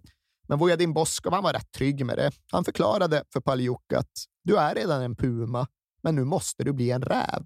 Mm. Och sen ställde han honom i målet. Och på Boskov italienska så var väl innebörden att ja, du är spänstig och du kan hoppa sig något helvete, men du måste bli smart också. Ja. Du måste liksom förstå hantverkets själva innebörd. Du måste bli listig som en räv, för när det kommer till målvakter, ja, då vinner räven över puman. Ja. Pagliuca var fortfarande bara 23 när den här säsongen inleddes och det innebar att det fanns ett frågetecken över honom. Är det verkligen scudettomässigt att gå in i en säsong med en 23-åring som målvakt? Men det var ju övriga Italiens frågetecken. Det var inget de tvivlade på i Sampdoria. Nej. Backlinjen då. Moreno Manini, Prosit, självklar ute som högerback. Han var snabb som tusan, han kunde virvla fram där ute, men han var ju även klassiskt italiensk skolad. Det var en ytterback som kunde försvara. Ja. Det var inte Trent Alexander-Arnold eller Andy Robertson. Mm. Innanför honom ja, men Luca Pellegrini, då, kaptenen, som dristade sig till att ta med en jurist till ett möte med Mantovani, men även en spelare i position att våga sig på något sådant. För han var ju, ja, men han kom ju före Mancini. Han var ju allra först in på den här stigen som så många andra skulle följa med honom på. Han var den första stortalangen som valde Sampdoria och det gjorde han redan 1980 då han själv bara var 17 år, men då Sampdoria fortfarande låg i serie B. Så han hade ju verkligen varit med hela resan. Han hade kommit när de var en andra divisionsklubb och ett årtionde senare så stod han nu som kapten för en klubb med uttryckt målsättning att vinna ligan. Och han kunde ju spela mittback så som vi känner rollen idag, men han spelade ju även ofta libero på det sätt Mm. som en italiensk backlinje ofta formerades i skarven mellan 1980 och 1990-tal. Och i den mån Pellegrini var den eleganta liberon som svepte upp bakom backlinjen med sin eh, spelförståelse så var ju hans kollega Pietro Vierkovod hårdingen som markerade och som duellerade. Och ja, som sagt, Mancini visst, Vialli absolut, men det här är ändå min egen favoritspelare i det här Ja. laget. Mar- Maradona beskrev honom som att han har muskler i ögonfransarna. Väl fångat. Diego. Men han har ju som alla noterat ett ovanligt italienskt efternamn och det bar han ju efter sin ukrainska pappa Ivan som hade varit med i andra världskriget, som då hade stridit med den sovjetiska röda armén, men som hade fångats in som krigsfånge och därför suttit inspärrad i olika fängelser i Bolzano, Pisa och Modena under de sista krigsåren. Så vet jag inte exakt hur Ivan resonerade, men när kriget väl tog slut så kände jag i alla fall att äh, fuck Sovjet, jag pallar inte Mm. åka tillbaka dit, det Stalin och grejer. Så istället blev han kvar i Italien, kom ur sin cell och var inte längre krigsfånge, utan sadlade istället om och blev motorcykelmekaniker. Jaha. Och hans son blev då fotbollsspelare och eh, trogen Sampdoria under väldigt många år, även han. Men det var ju lite speciellt med honom, för han hade ändå tillåtits göra en liten utflykt. Under 80-talets första halva så tyckte Mantovani och de andra att ja, men okej, Bjerkovod, it makes sense att låna ut honom under en säsong. Så drog Bjerkovod iväg, vann scudetton med Roma och sen Ja. återvände han. Mm. Så han hade titelvinnarerfarenhet trots att han egentligen hade varit en Sampdoria-spelare hela tiden. Samlade även på minitvålar. Och Ja. det säger jag utan någon som helst annan anledning än att det är Ja, kul och- att säga att Och han spelade på högsta nivå till han var 41 också. Det är rätt imponerande. han, var, han var hård Ja. och han var ren eftersom att han hade många minitvålar. Han var ganska smutsig ute på planen i vissa andra moment. Men jävlar vilken svårpasserad försvarare. Teresa. Maradona. Maradona e Bjerkovod è immancabile, arriva il fischio di la commessa falla. Ute till vänster fanns det lite olika alternativ, men ett som Muadin Boskov använde sig av ofta, det var faktiskt Giuseppe Dosena. Och det var lite okonventionellt för att Dosena var egentligen en offensiv mittfältare från första början. Men samtidigt då en spelare som Boskov skolade om till vänsterback. Och det var inte alltid som Giuseppe Dosena spelade vänsterback, men han spelade alltid. Han var den enda i hela det här Sampdoria-laget som faktiskt deltog i alla säsongens Serie A-matcher. Ja. Och bakom dessa fanns även Marco Lanna som alternativ. Och det är ingen som vet vem det är, men jag nämner honom mest för att han var en genuint egen produkt. Han hade Mm. varit med precis hela vägen och därför förtjänar Marco Lanna en shout-out. Mittfältet?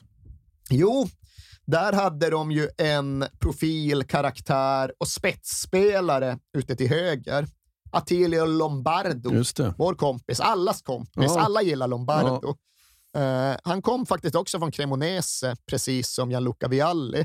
Slående det här också att de värvar ja, men, i någon sorts närområde. Det är inte Mm. så att det är grannstäder det här, men det var ju flera av spelarna som kom från Cremonese och det var flera av spelarna som kom från Bologna. Men ja, Attilio Lombardo, det var ju alla har ju en relation till Attilio Ja. Lombardo, men det är mest bara på grund av hur han såg ut, på grund av att han inte hade något hår från Ja. väldigt unga år. Men det är kanske inte så många som minns honom som spelare. Men han var jätte, jättebra. Snabb som Ja, satan. och outtröttlig. Ja. Både att han kunde löpa hela matchen, men han kunde även växla upp till högintensitetslöpningar Ja. i minut 87 efter att ha sprungit 15 000 meter. Så han hade en jäkla motor, men han hade ju även en grym fot. Fantastiska inlägg, gjorde en hel del mål och därtill då även tydligen en jäkla bra gubbe i omklädningsrummet. Ja. Fin karaktär, spred glädje. Alla gillar Lombardo. Det var det Svennis ville ha till Lazio. Ja, han ville ha motor, inlägg och en glädjespridare. Eh, Struzzo kallas han ju ofta i Italien, strutsen, just för hur han springer runt Ja, där längs kanten. Men sen kallas han ju även för Popeye. Även italienarna använder den engelska termen för Karl Alfred. Eh, och det ska då finnas någon porträttlikhet, tycker de. Mm. Men ja, han var Karl Alfred och som de sa, Sampdoria-tröjan var hans spenat. Ja. Och innanför Lombardo ska vi sen beta av tre importspelare i någorlunda rask takt. Och där börjar vi med den huvudsakligen defensiva innermittfältaren Toninho Cerezo. Brasse, eh, väderbiten Brasse som hade varit med om det mesta och var väl den här upplagans motsvarighet ja, men till Graham Souness. Mm. Inte för att de spelade likadant, men för att de hade lite samma förmåga att sprida lugn, stridssäkerhet och vinnarvana till sina yngre lagkamrater. Tonino Cerezo, han var redan 31 när Sampdoria köpte honom. Alltså en helt annan typ av spelare än de brukade varva. Och i det läget hade han redan gjort nästan 60 landskamper för Brasilien.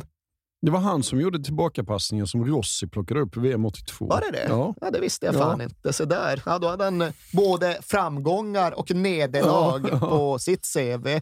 Men den bakåtpassningen i all ära, vad minns vi honom egentligen mest för i ett sånt här When We Were Kings-sammanhang?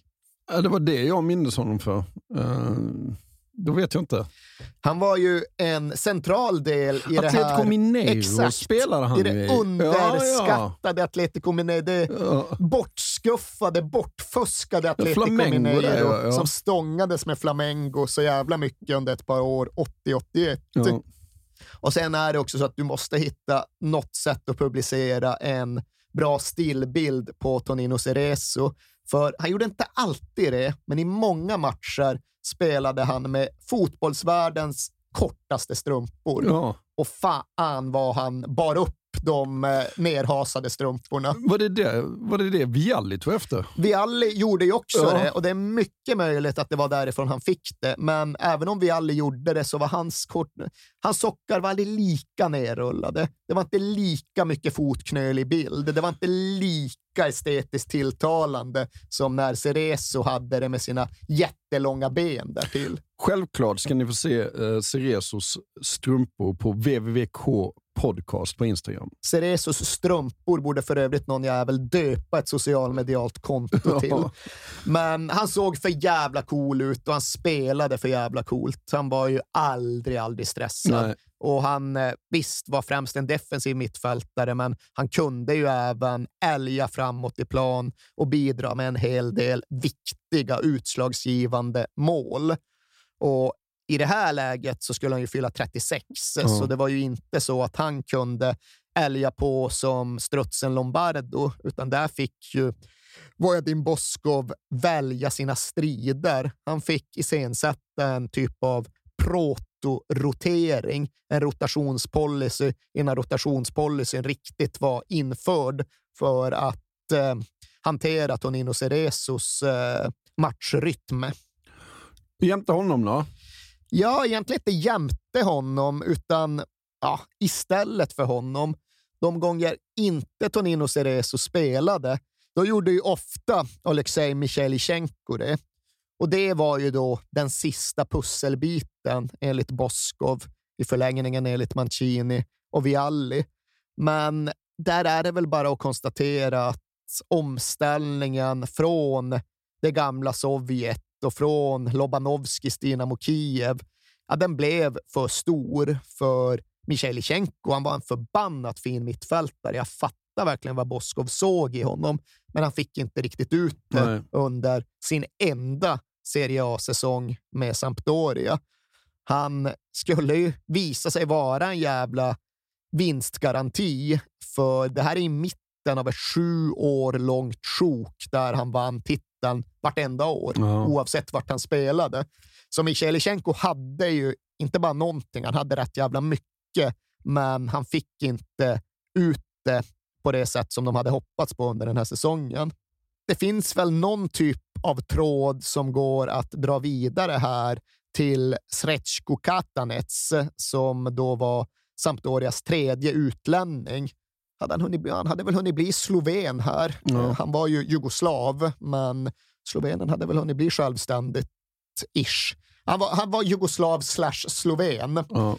och han bidrog en hel del, men han såg väl sig själv väldigt mycket som innermittfältare, men kom att spela en hel del försvar, kom att spela rätt mycket vänsterback faktiskt Ja. under den här säsongen.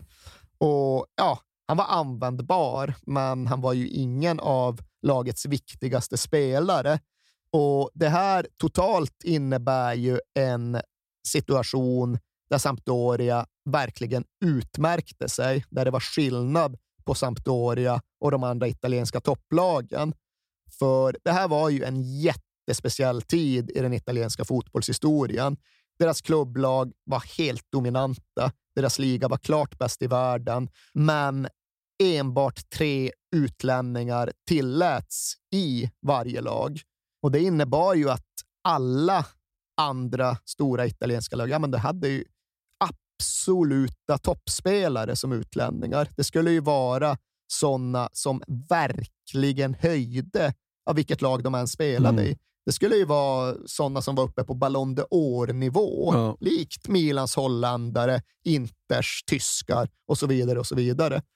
Men i det här Sampdoria, ja, där bidrog ju utlänningarna förhållandevis väldigt lite. Ja, de var vattenbärare. liksom. Ja, alltså Tonino Ja. Cerezo, han var absolut en central del när han väl deltog, men han spelade ju typ hälften av matcherna. Och Katanets absolut en typ av vattenbärare. Michailichenko, mest bara någon lite frustrerande, gåtfull enigma-typ. Ja. Så ja, importspelarnas roll i allt detta var försumbar. Och det märks ju inte minst på hur innermittfältet var formerat. För det var, ja, det var en av de tre utlänningarna som spelade på den ena positionen. Och sen var det en ganska bortglömd och anonym italienare som hette Fausto Pari som alltid spelade. Ja. Han var alltid där på mitten och sen satte man dit någon av utlänningarna bredvid honom. Men på ett sätt har Fausto Paris bidrag till den här säsongen var större än någon av importernas. Ja. Och framåt då? Ja, till att börja med då vänsterkanten, där det ofta också var en rätt anonym italienare som hette Giovanni Invernizzi som spelade. Mm. Han kunde spela inne mitt också. Vänsterkanten var det rätt mycket snurr på. Invernizzi kunde spela. Ivano Bonetti kunde spela där. Dosena kunde spela där, precis som man kunde spela vänsterback. Så det var lite snurr på den platsen. Men framme på topp var det ju inte särskilt mycket snurr och särskilt mycket diskussion. Absolut, Mancini kunde ju bli avstängd ibland för att Ja. han hade skällt ut någon jävla domare. Så då hade, Eldig. ja, då hade de tagit in Marco Branca. Ja. Idag kanske mer känd som Inters gamla misslyckade sportchef, men det var ju just bara för att komplettera, för att fylla i när någon av hörnstenarna saknades. Men det är klart att det var Vialli och Mancini som startade, som skapade, som avslutade, som gjorde skillnad. Roberto Mancini, you refer to as a, and, and uh, my pronunciation may be horrendous here, Sven, but a, a rompipale, is that right? Rompipalle. Yeah, which uh, to translate means ball breaker, yes? Yes, because he complained uh, a lot. he helped the team a lot during the whole week. He, especially in Sampdoria, he was a captain. He controlled that the kitman did his job. He controlled things were right in the office. He, everything that the uh, pitch was cut. He did everything. uh, but then uh, during matches, he um, if a player didn't do exactly what I have told them to do, he got upset and he screaming and the referee, oh, he could have killed referees. he was furious. Och Mancini var väl mer än en spelare också va? Ja, herrejösses. Vi har ju varit inne och snuddat vid det faktumet tidigare, men vi kan verkligen passa på att poängtera det. Dels var jag, så han var ju fantastisk som kreatör. Han ser motorvägar där andra bara ser stigar, som Vojadin Boskov formulerade det. Men han var ju också en typ av allomfattande allt-i-allo som skulle in överallt och bestämma överallt. Liksom Mancini, han var inblandad i att designa matchtröjan. Ja. Han var med och kampanjade för att döpa om arenan. Från att formellt sett så heter Marassi då Luigi Ferrari och det är Luigi Ferrari en gammal Genoa-spelare. Ja. Och det fanns det krafter i klubben som inte tyckte var passande. Och där var Mancini med och tassade. Men där fick han faktiskt en reprimand av Mantovani.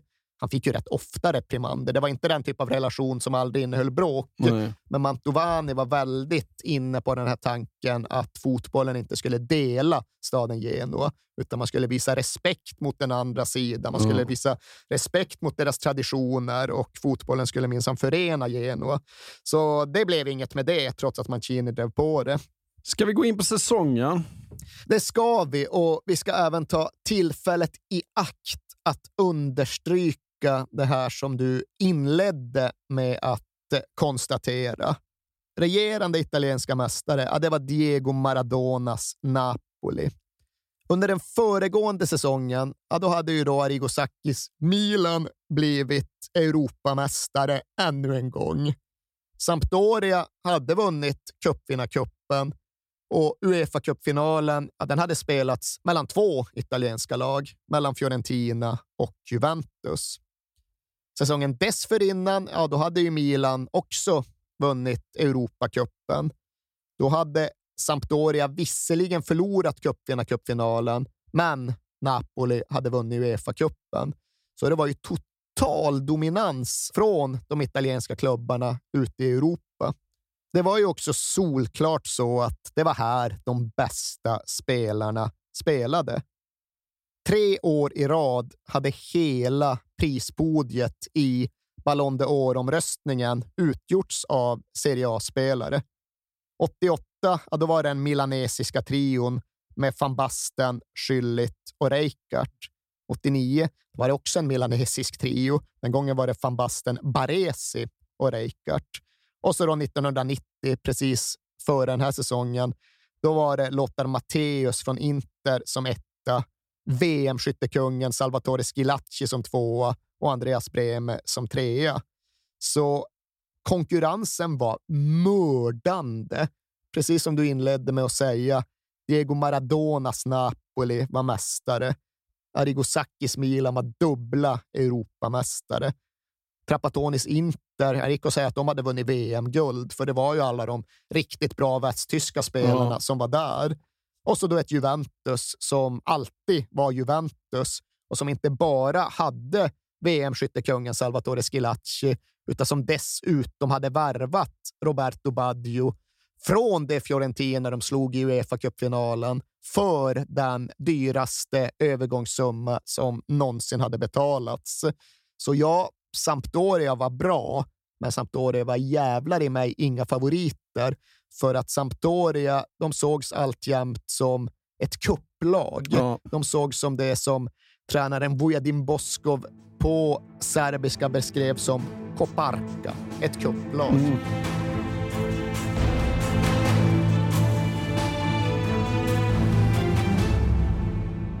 Ja, men hur går det då?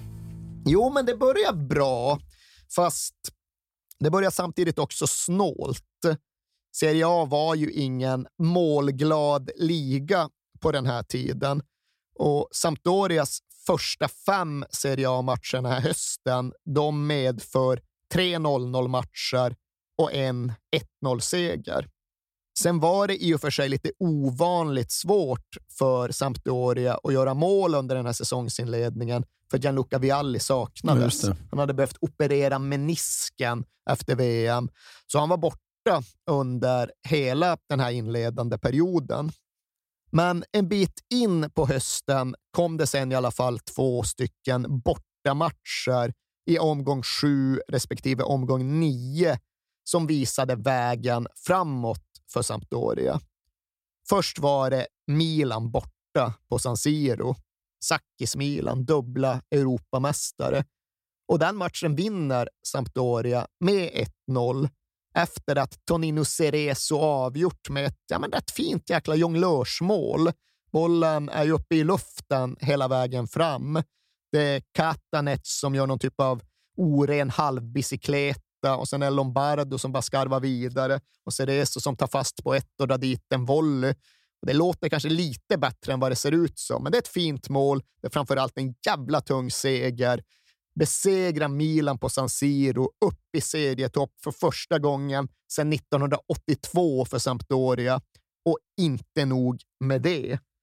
Utan i bortamatchen därefter så är det ju ännu ett sånt här riktigt eldprov. Och den gången passerar Sampdoria provet med ännu större eftertryck. Maradonas Napoli nere i Neapel. Ja, det är inte enkelt Nej. och det blir ju inte lättare när Napoli tar ledningen. Maradona slår in en hörna, det är nickskarv och så är det mål på bortre. Och där sjunker ju ett mindre kapabelt lag. Men De, har ju, alltså, de är fruktansvärt bra Napoli också. Det, Ja, det är de. Ja. Och det bidrar ju till betydelsen av matchutvecklingen som ändå följer. För Sampdoria sjunker ju inte, utan Sampdoria stiger till ytan med fulla jävla segel. Och det här är en klassisk match som jag har läst en hel del om genom åren, men inte riktigt liksom tittat tillbaka på förrän nu. Och det som alltid skrivs om matchen, det är ju det, är där de vinner tack vare sådana fantastiska jäkla volleymål.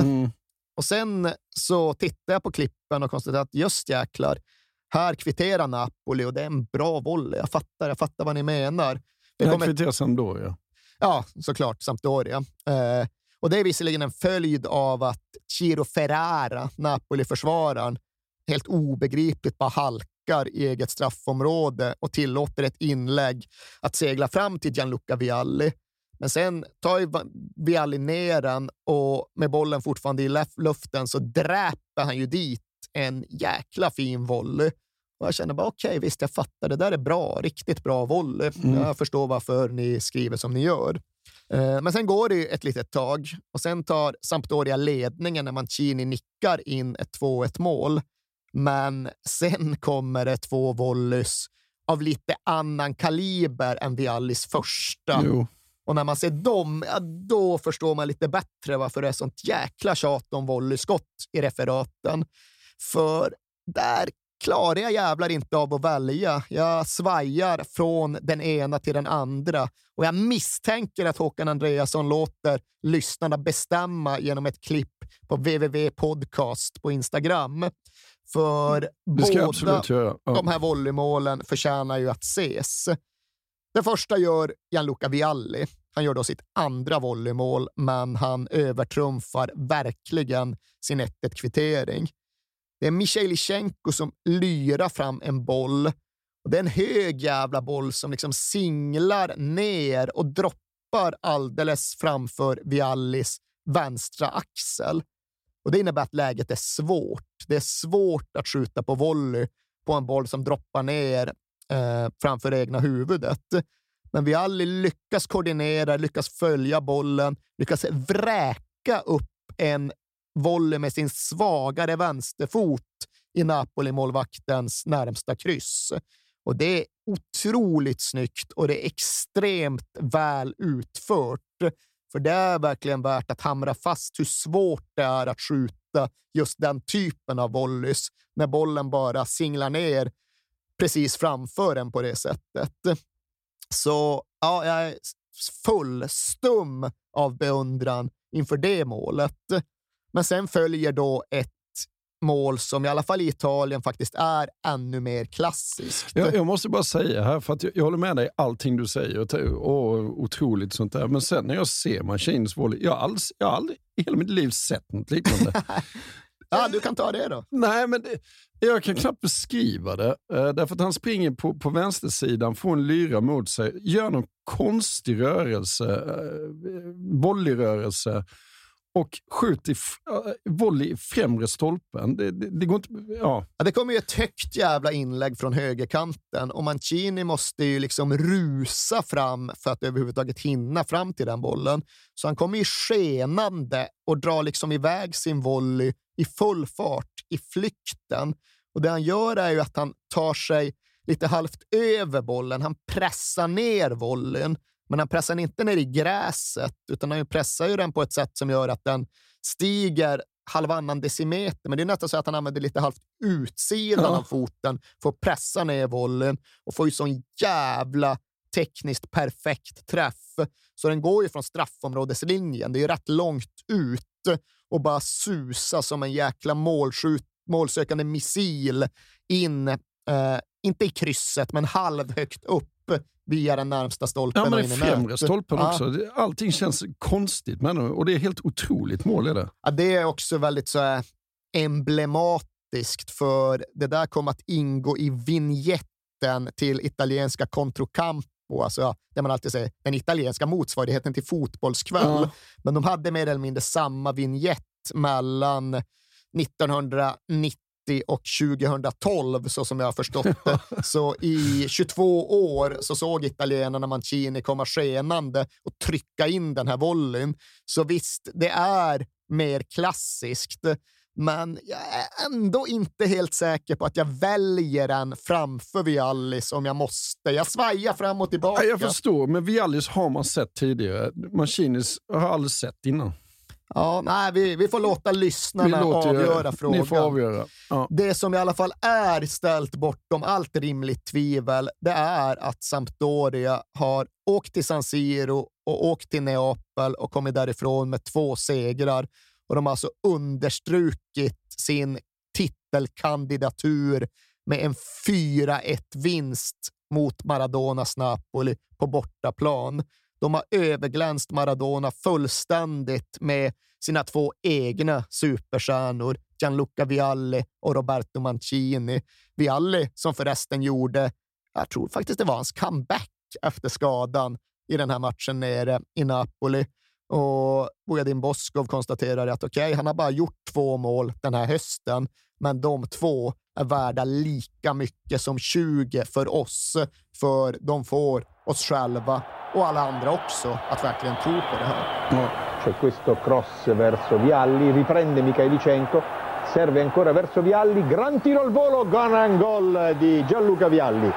Sampdoria che realizza il terzo gol splendido gol di Gianluca Vialli a volo, una giocata esemplare, una giocata da grande campione quale è Vialli e il calcio italiano ritrova indubbiamente De inleder alltså med eh, de nio första matcherna med sex segrar, tre oavgjorda. Det är helt fantastiskt. Men sen börjar det gå tyngre och det börjar med derbyt hemma i Genua. Ja, för allt är ju på plats. Som sagt, de har gått obesegrade genom hösten. De har kommit med de här statement-segrarna mot huvudkonkurrenter på bortaplan. De ska liksom bara städa av Genoa-derbyt för att fortsätta uppåt, men det funkar ju inte så. Det går liksom inte bara att städa av ett Genoa-derby.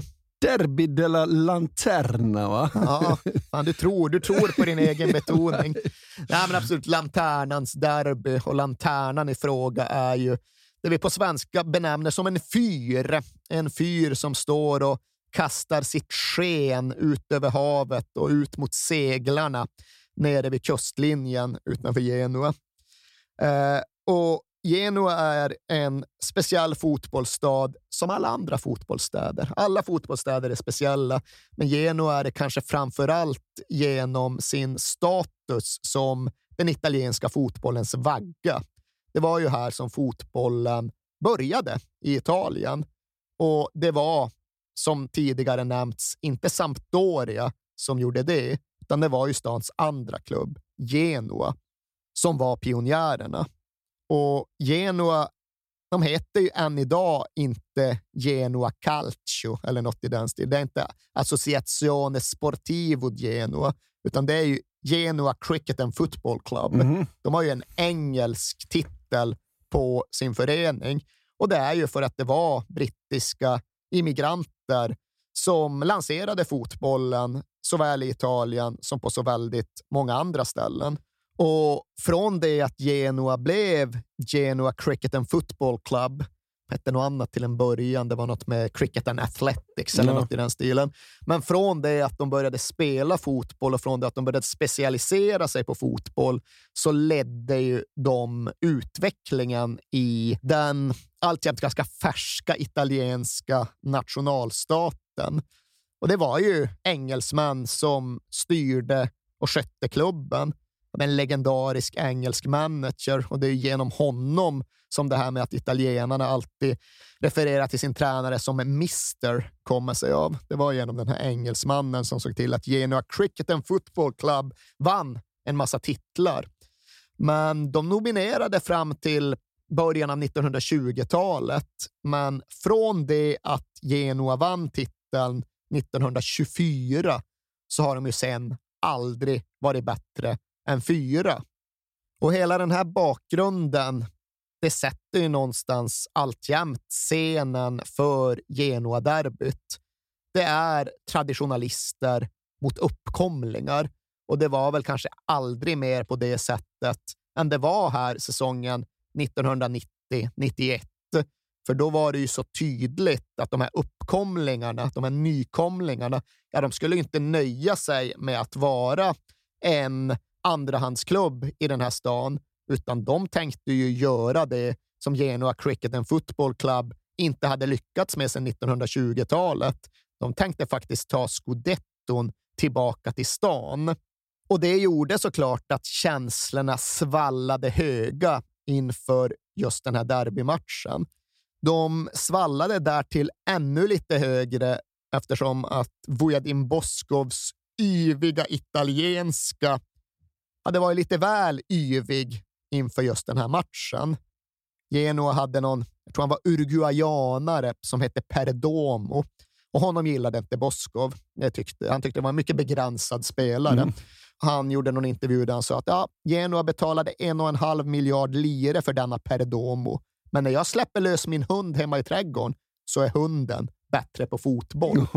och ja, visst, det var väl liksom eh, det var väl syrligt sagt. Mind game som du gillar så mycket. Ja, knappt ens det, men det var lite ändå överraskande att eh, det tog sånt jävla skruv runt den raljansen. För det är inte så att italiensk fotboll har saknat syrliga raljanser genom åren. Men det var väl förmodligen just för att det var inför ett så laddat derby som reaktionerna blev så väldigt kraftfulla. Den här Perdomo, ja, men han sjösatte en juridisk process mot Boskov. Han stämde honom för någon typ av ärekränkning. Och Mantovani, klubbpresidenten som ville slå vakt om värdigheten och ville föra sig med stil och klass. Ja, han blev jätte, jättebesviken på Boskov. Mm. Han blev så besviken på Boskov att han på allvar funderade på att avskeda honom. Under flera dagar så brottades han med de här tankarna och eh, det är möjligt att Boskov kände till det in i matchen. Det är möjligt att det rent utav påverkade matchen, men klart är i alla fall att eh, Genua Cricket and Football Club kämpade ner sina mer begåvade grannar i det här derbyt. Står rätt länge 1-1. Vialli har Panenka-chippat in en kvittering på straff på en tid då ingen Panenka chippade på straffar. Men till sist är det ju ändå Genuas brasseback Branco som avgör matchen med en jävla vänsterslägga till frispark eh, med ganska kort tid kvar. Derbyn brukar sägas leva sitt eget liv och ja, det här derbyt levde ett liv som egentligen inte gick att förklara med tabellen och med truppkapaciteten, men det knockade Sampdoria ur balans. Det var förlusten och det var allt det här runt Boskov som verkade vara på lite svajigt humör runt själva derbymatchen. Om ni inte vinner den här ligan nu, ja, då säger den här mistern till er, ni är skit. Så ska han formulera det i omklädningsrummet till spelarna efter förlusten. Men hans eget jobb är, hängde verkligen på en skör jävla tråd under de här dygnen. För Mantovani, ja, han ska inte ha kunnat släppa det där. Han var besviken, han var förbannad inför matchen. Han kände likadant efter matchen. Och det han då gjorde var att han ringde till ja, men den verkliga gentlemannen i sammanhanget. Så han ringde till Nisse Lidholm Jaha. och tillfrågade honom. Jag vet faktiskt inte hur jag ska göra här med Boskov, men ja, jag trodde att han, att han hade en annan förmåga att föra sig än vad som har visat sig vara fallet. Så jag, jag, jag tänker kanske avskeda honom. Ifall jag gör det, kommer du, kommer du signore Lidholm? Och signore Lidholm ska mm, bett om några dagar för att tänka över saken. Och det här är ju några dagar av total och fullständig osäkerhet. Blir det något mer med Boskov? Ifall det inte blir det, blir det i så fall Lidholm. Vad kommer att hända? Ah, det som händer är det som i stort sett alltid händer runt detta Sampdoria. Att Roberto Mancini, Gianluca Vialli och för den delen sportchefen Paolo Borea identifierar och analyserar vad som behöver göras i situationen. De går in till Mantovani och Roberto Mancini pratar så som han är i position att prata. Du vet hur det är. Ibland så skenar temperamentet iväg med en och ibland uttrycker man sig på ett sätt som man inte riktigt har tänkt sig. Men det behöver inte göra en omöjlig och diskvalificerad. Fan, kom igen nu president. Ja. Det är klart att Boskov ska vara kvar. Och ja, när Mancini och de andra pratar, då lyssnar Mantovani och till sist bestämmer sig för att ja, okej, Boskov får vara kvar. Men det var långt ifrån självklart och det där var väl egentligen det största osäkerhetsmomentet som, eh, som Sampdoria stod inför under hela den här säsongen. För det slutade inte riktigt med derbyt och med förlusten och med tränarturbulensen, utan det hängde kvar in i veckorna och omgångarna som följde. Det var ett skede då Sampdoria följde upp derbyförlusten med erbarmliga kryss mot Cagliari och mot Bari. Och sen sprattlar de visserligen till och tar en jäkla tung triumf när de med bara tio man besegrar Inter hemma. Och de gör det också på ett triumfatoriskt sätt. Trots att Michail Lichenko blir utvisad tidigt så väljer ändå Boskov Sampdoria att inte dra sig tillbaka och spela på kryss. De bara stryker Pellegrinis libero-roll och sen spelar de på som vanligt och anfaller sig med tio man fram till en 3-1-seger. Och det är klart att det var ett jäkla styrketecken, men det var ändå undantaget under den här vintersvackan som började med derbyt. Som sagt, kryss mot Cagliari och Bari. Och sen faktiskt två kostsamma förluster in i januari 1991 då Sampdoria förlorar mot både Torino och Lecce. Och här är titeldrömmen verkligen på väg att försvinna och att dö. Eh, chi vuol vincere scudetto in Italia non può perdere due partite in fila. Allora niente scudetto? No, noi abbiamo una partita con grande speranza contro Roma, perché eh, il 23 gennaio se potevamo giocare eh, io penso Sampdoria può stare ancora in testa. Och det som sen händer vet jag inte riktigt ifall vi ska se som ett tecken på Boskovs i alla fall tillfälligt underminerade auktoritet eller om vi istället ska se det som ett kvitto på hur stark den här spelargruppen med sina sju dvärgar verkligen är. För det som i alla fall sker, det är ju att spelarna själva tar ett möte, en middag, utan inblandning av eller initiativ från eh, någon tränare eller någon sportslig ledning. Utan spelarna samlas på restaurang La Becaccia, du vet, ovanför vattnet där i Absolut. Rapallo, Ja. där man hänger. Och där sitter de en hel jävla kväll för räfst och rättarting. Och ja, Det är inte så att Roberto Mancini håller igen direkt när han ger sin syn på saken, utan det är en frank och ärlig dialog där spelarna tar till sig det de behöver ta till sig. Och de sitter där till efter klockan två på natten en vanlig vardag.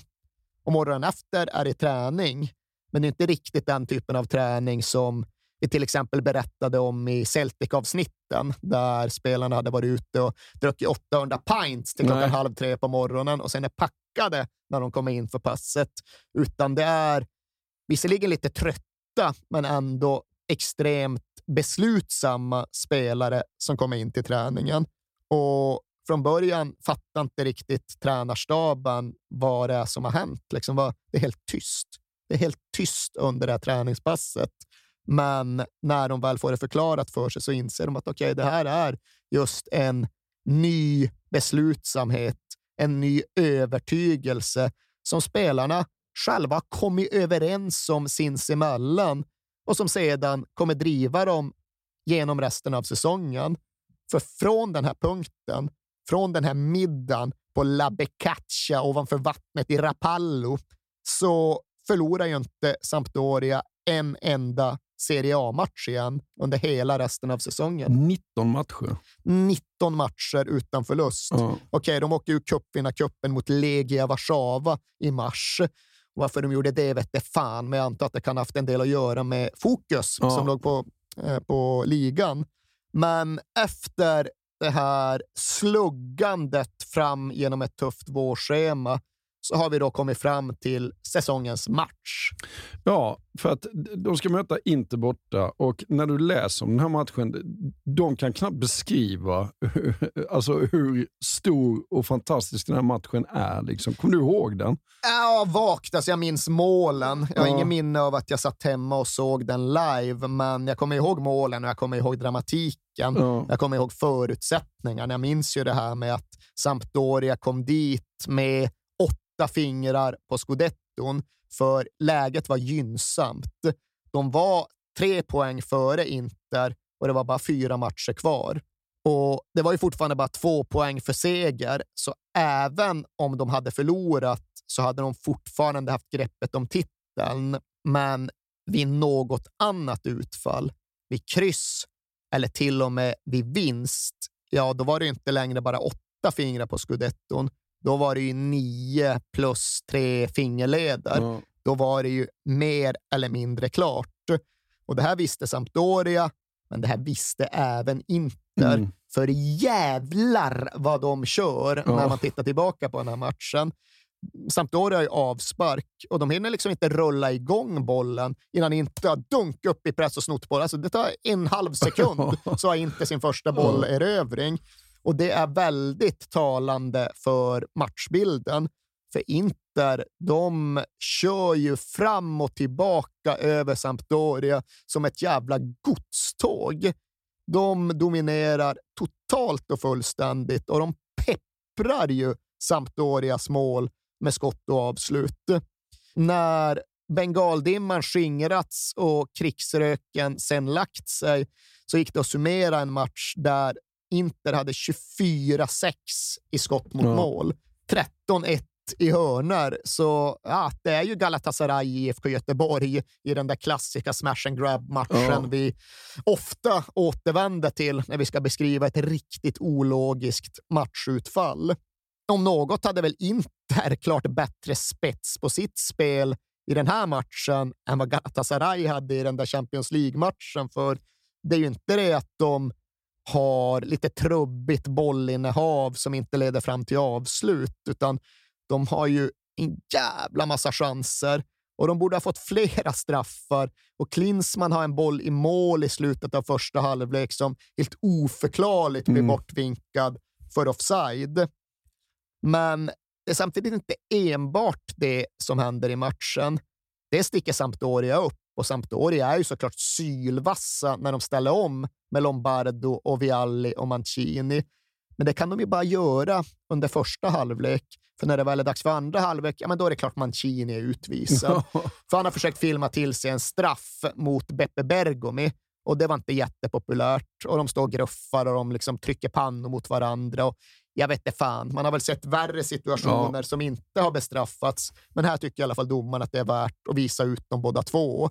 Och de ska därifrån och det kastas mynt och någon träffar Bergomi på näsan och det är ett jävla kaos redan vid 0-0-läge in i halvtidsvilan. Det är lite roligt faktiskt. Att de ska, de ska liksom kasta Mancini och träffa Bergomi. Han bara faller ihop. Jo, det är ju liksom fan, man tror rätt mycket om sin egen träffbild Ja. ifall man börjar kasta in en massa liremynt mot två parallella spelare högt uppifrån kurva nord och vara säker på att träffa sin egen. Uh. Men ja, hur som helst, på något mirakulöst sätt har Sampdoria överlevt den första halvleken. De kommer in med 0-0 i paus och då kan man ju tro att fan, nu måste Vojadin Boskov ryta till ordentligt. Nu måste han förklara hur missnöjd han är och hur ohållbar matchutvecklingen framstår som. Men han väljer tydligen en annan linje. Han går in och liksom, det är lugnt. Det är lugnt grabbar, för så länge Gianluca Pagliuca spelar på det här sättet så finns det inte en möjlighet Nej. att vi kan förlora. Det går inte att göra mål på honom, så det är minst 0-0. Liksom. Tänk så. Liksom. Det, någon kan inte göra mål, så, så poäng tar vi härifrån. Frågan är någonstans bara hur många. Och ja, på något egendomligt sätt så blir Vujadin Boskov sannspådd en kvart in i, första halv, eller in i andra halvlek.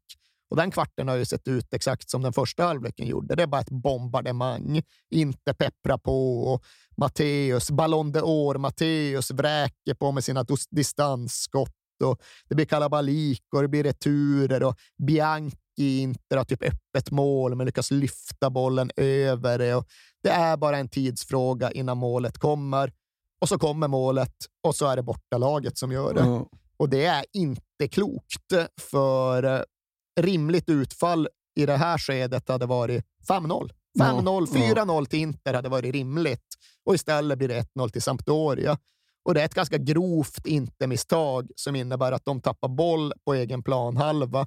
Och sen är det Gianluca Vialli som då spelar ensam på topp eftersom Mancini är utvisad som gör en sån jäkla galärslavsinsats i den andra halvleken.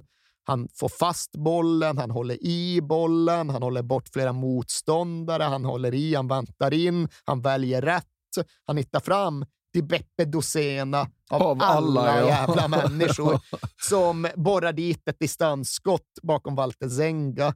Och Beppe Dosena, alltså han hade spelat mycket vänsterback den här säsongen. Han gjorde aldrig mål. Han Nej. gjorde prick noll mål den här säsongen och nu drar han dit det absolut viktigaste målet på hela scudetto-året. They're defending so deep, Sampdoria, that players like Stringata, oh, who's uh, wrong-footed here, they have been having the run of midfield, but Viali, with Cerezo uh, making a good run, and Dosena is there as well! Would you believe it? 15 minutes into the second half, the first shot in anger. Beppe Dosena His first goal in the league this season, and what a time to get it! What a way to get it! Sampdoria can see the championship here. Men sen är det ju klart att det inte är färdigt i och med detta. Sampdoria har fått en helt bizarr ledning med en halvtimme kvar att spela. Och Inter, ja, de lägger sig inte och dör direkt, utan de skenar ju bara på med ännu mer vildsint blick. Och det tar sen inte så många minuter innan de vaskar fram sin straff. Och då ska Ballon d'Or, Lothar Matteus, bara gå fram och dräpa dit straffen som han till exempel gjorde för Västtyskland mot Jugoslavien i VM sommaren före. Och, ja, det går inte att klaga på hans bollträff. Nej, han skjuter så jävla hårt, men han siktar ju överhuvudtaget inte. Mm. Och straffmålvakten Pagliuca går rätt och lyckas, inte rädda bollen, men det är det att han lyckas hindra sig själv för att bara susa med in i det egna oh. målet. Han har sagt i efterhand att ja, jag, jag, var orolig för att jag faktiskt bröt handleden när det hände. För ont som satan fick han. Men han kan såklart inte hålla bollen. Det är helt omöjligt att hålla den bollen, så han ligger fri i en halv sekund. Men när Matteus och de andra störtar fram för att dra dit returen så lyckas han ju också sopa undan ja. den som en del av en multiräddning som också får sån jäkla betydelse för allt den här säsongen. Och det är en match som till sist även ska ge Sampdoria scudetton. För med kvarten kvar så drar Gianluca Vialli återigen iväg. Och ja, det är möjligt att han är offside, men det har vi inga vinklar för att eh, befästa och belägga, utan han får spela vidare och han har varit så outtröttligt tapper där ensam på topp under hela halvlek. Och nu rundar han Baltesenga och dundrar in bollen i tomt mål. Och sen är det kullerbytta och sen är det jubel, för sen är det rätt mycket klart. Ja. Inte bara den här klassiska triumfen på San Siro, utan hela den första scudetton. Den första utopiska, ouppnåeliga scudetton som en klubb som Sampdoria aldrig borde kunna vinna.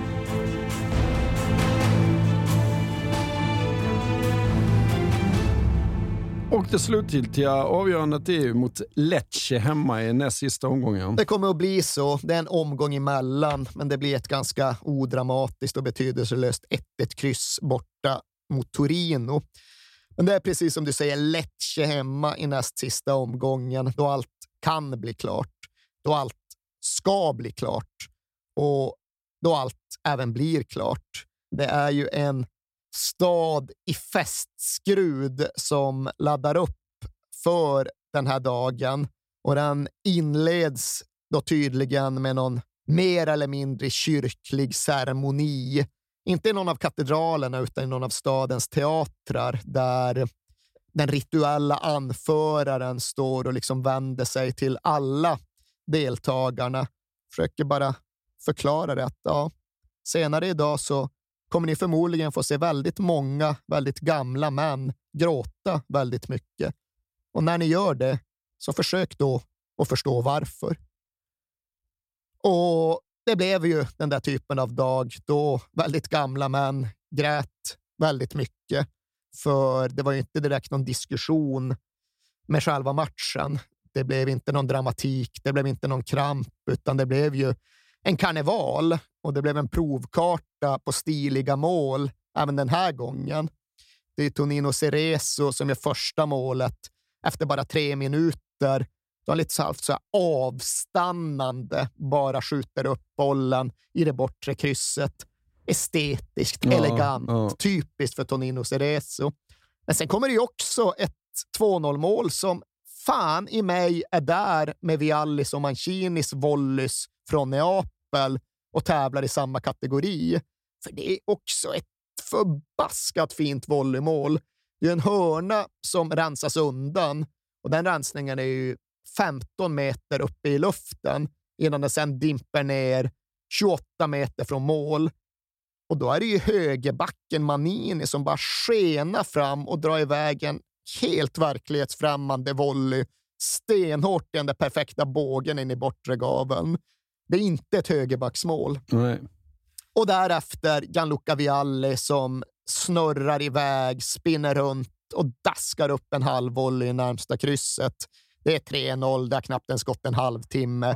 Det är klart och färdigt Ja. och det är dags att jubla och det är dags att fira. Il controllo di Lombardo che allontana la palla, è finita! È finita! È scudetto la Sampdoria oggi, 19 maggio 1991, vince il suo primo scudetto. Il gol di Sereso, Mannini e Vialli nella prima mezz'ora. Sereso si toglie la maglietta, la scambia con un avversario. Boscov guarda l'orologio che scandisce la festa sampdoriana. Cereso e Dossena si abbracciano, campioni d'Italia 1991.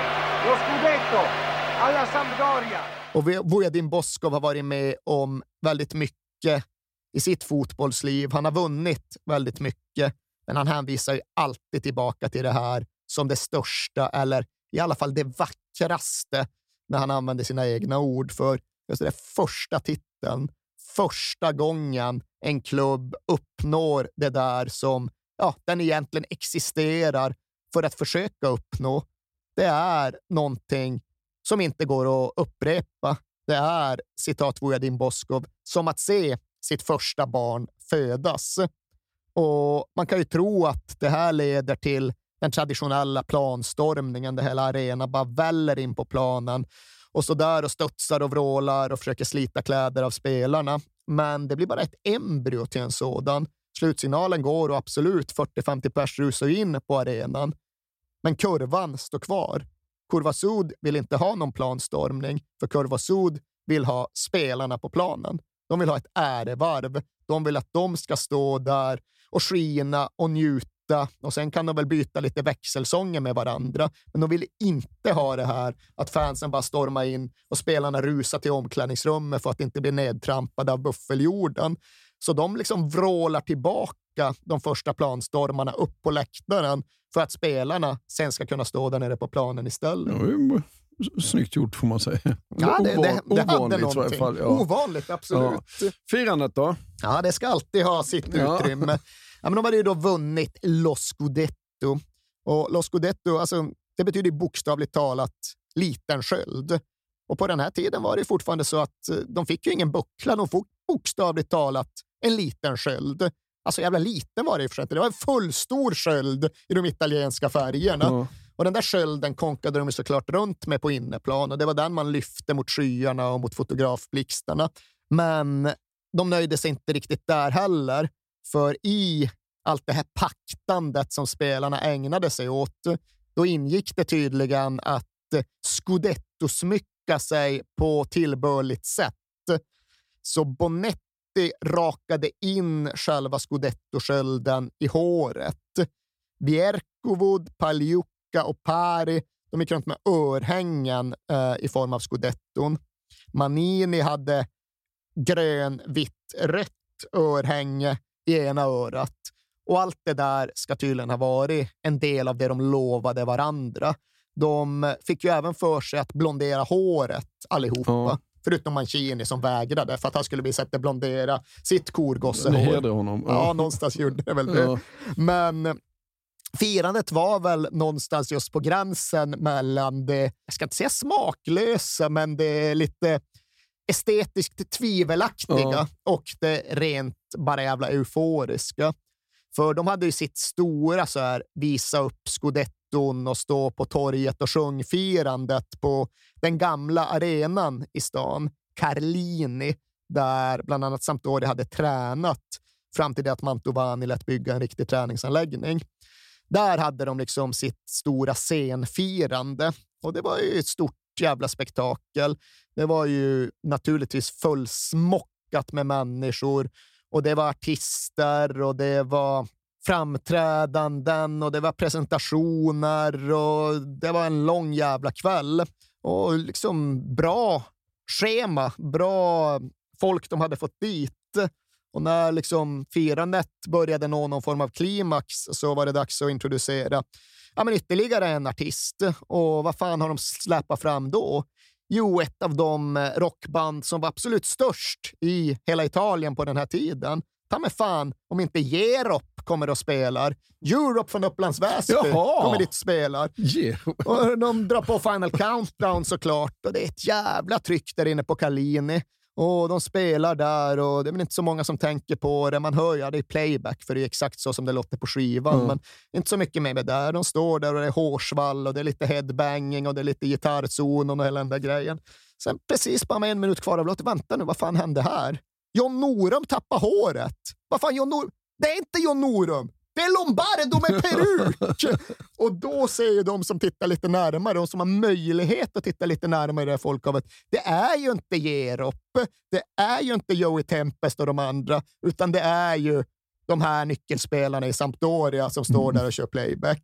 Det är ju såklart Vialli som är Joey Tempest. Det är Roberto Mancini som står på en andra gitarren. Han är väl Key Marcello då, antar Ja. jag. Av någon jävla anledning han står där med en akustisk gitarr. Jaha. Varför gör du det, Mancini? Det ingår inte riktigt i sättningen. Finns det rörligt på detta? Oh ja, oh ja. Då ska detta ut. Kan du bara, ja. Ja, det finns rörligt på det och sen därefter så de hade något, det fanns något band som heter New Trolls och de har jag ingen som helst relation till, men de hade kommit att göra någon typ av signaturmelodi för Ja. det här Sampdoria-laget. De hade någon anthem och då ska ju Vialli och Mancini sjunga det. Och då är det inte längre playback, då går det inte längre att gömma sig bakom en Joey Tempest peruk, utan då ska de sjunga det här i mikrofonen. Och dra åt helvete vad illa det låter. Alltså. Det är sämre än Dirk Kuyt på Feyenoords You'll Never Walk Alone-firande i Rotterdam. Mm. Ja, det är riktigt sprucket och det förtjänar väl också sin plats. Ja. Ska vi göra ett hopp till eh, den slutgiltiga matchen eller? Vi gör det, men vi studsar till på den italienska cupfinalen mot Roma som också ingick i Sampdorias 90-91 säsong. De var ju faktiskt nära att vinna det som inte hette The Double i Italien, men det som förmodligen heter något annat. Ja. De var nära att ta både ligan och kuppen, men de klarade inte riktigt av att ladda om och de föll i cupfinalen mot Roma. Men det var ju inte den slutgiltiga matchen som du nämnde, utan det var ju själva Europacupfinalen mot FC Barcelona på Wembley. Precis prick ett år och en dag efter att Sampdoria hade säkrat scudetton. Det var ju ett Barcelona som spelade på sitt sätt med sina spelare och sina stjärnor, men som ändå Ja, de var absolut inte utspelade. Det var en jämn match. Mm. Men om något så får nog Sampdoria ha sägas vunnit i alla fall den ordinarie speltiden på poäng. Ja. Sampdoria var marginellt bättre. Sampdoria hade de ganska klart bättre chanserna och det är ju så jäkla typiskt att de chanserna föll till killen som borde ha dem. Mm. Gianluca Vialli har ju i alla fall två, tre, ja, men säg två ja, men jättechanser. Och när han får dem så utgår man ju ifrån att han ska göra mål.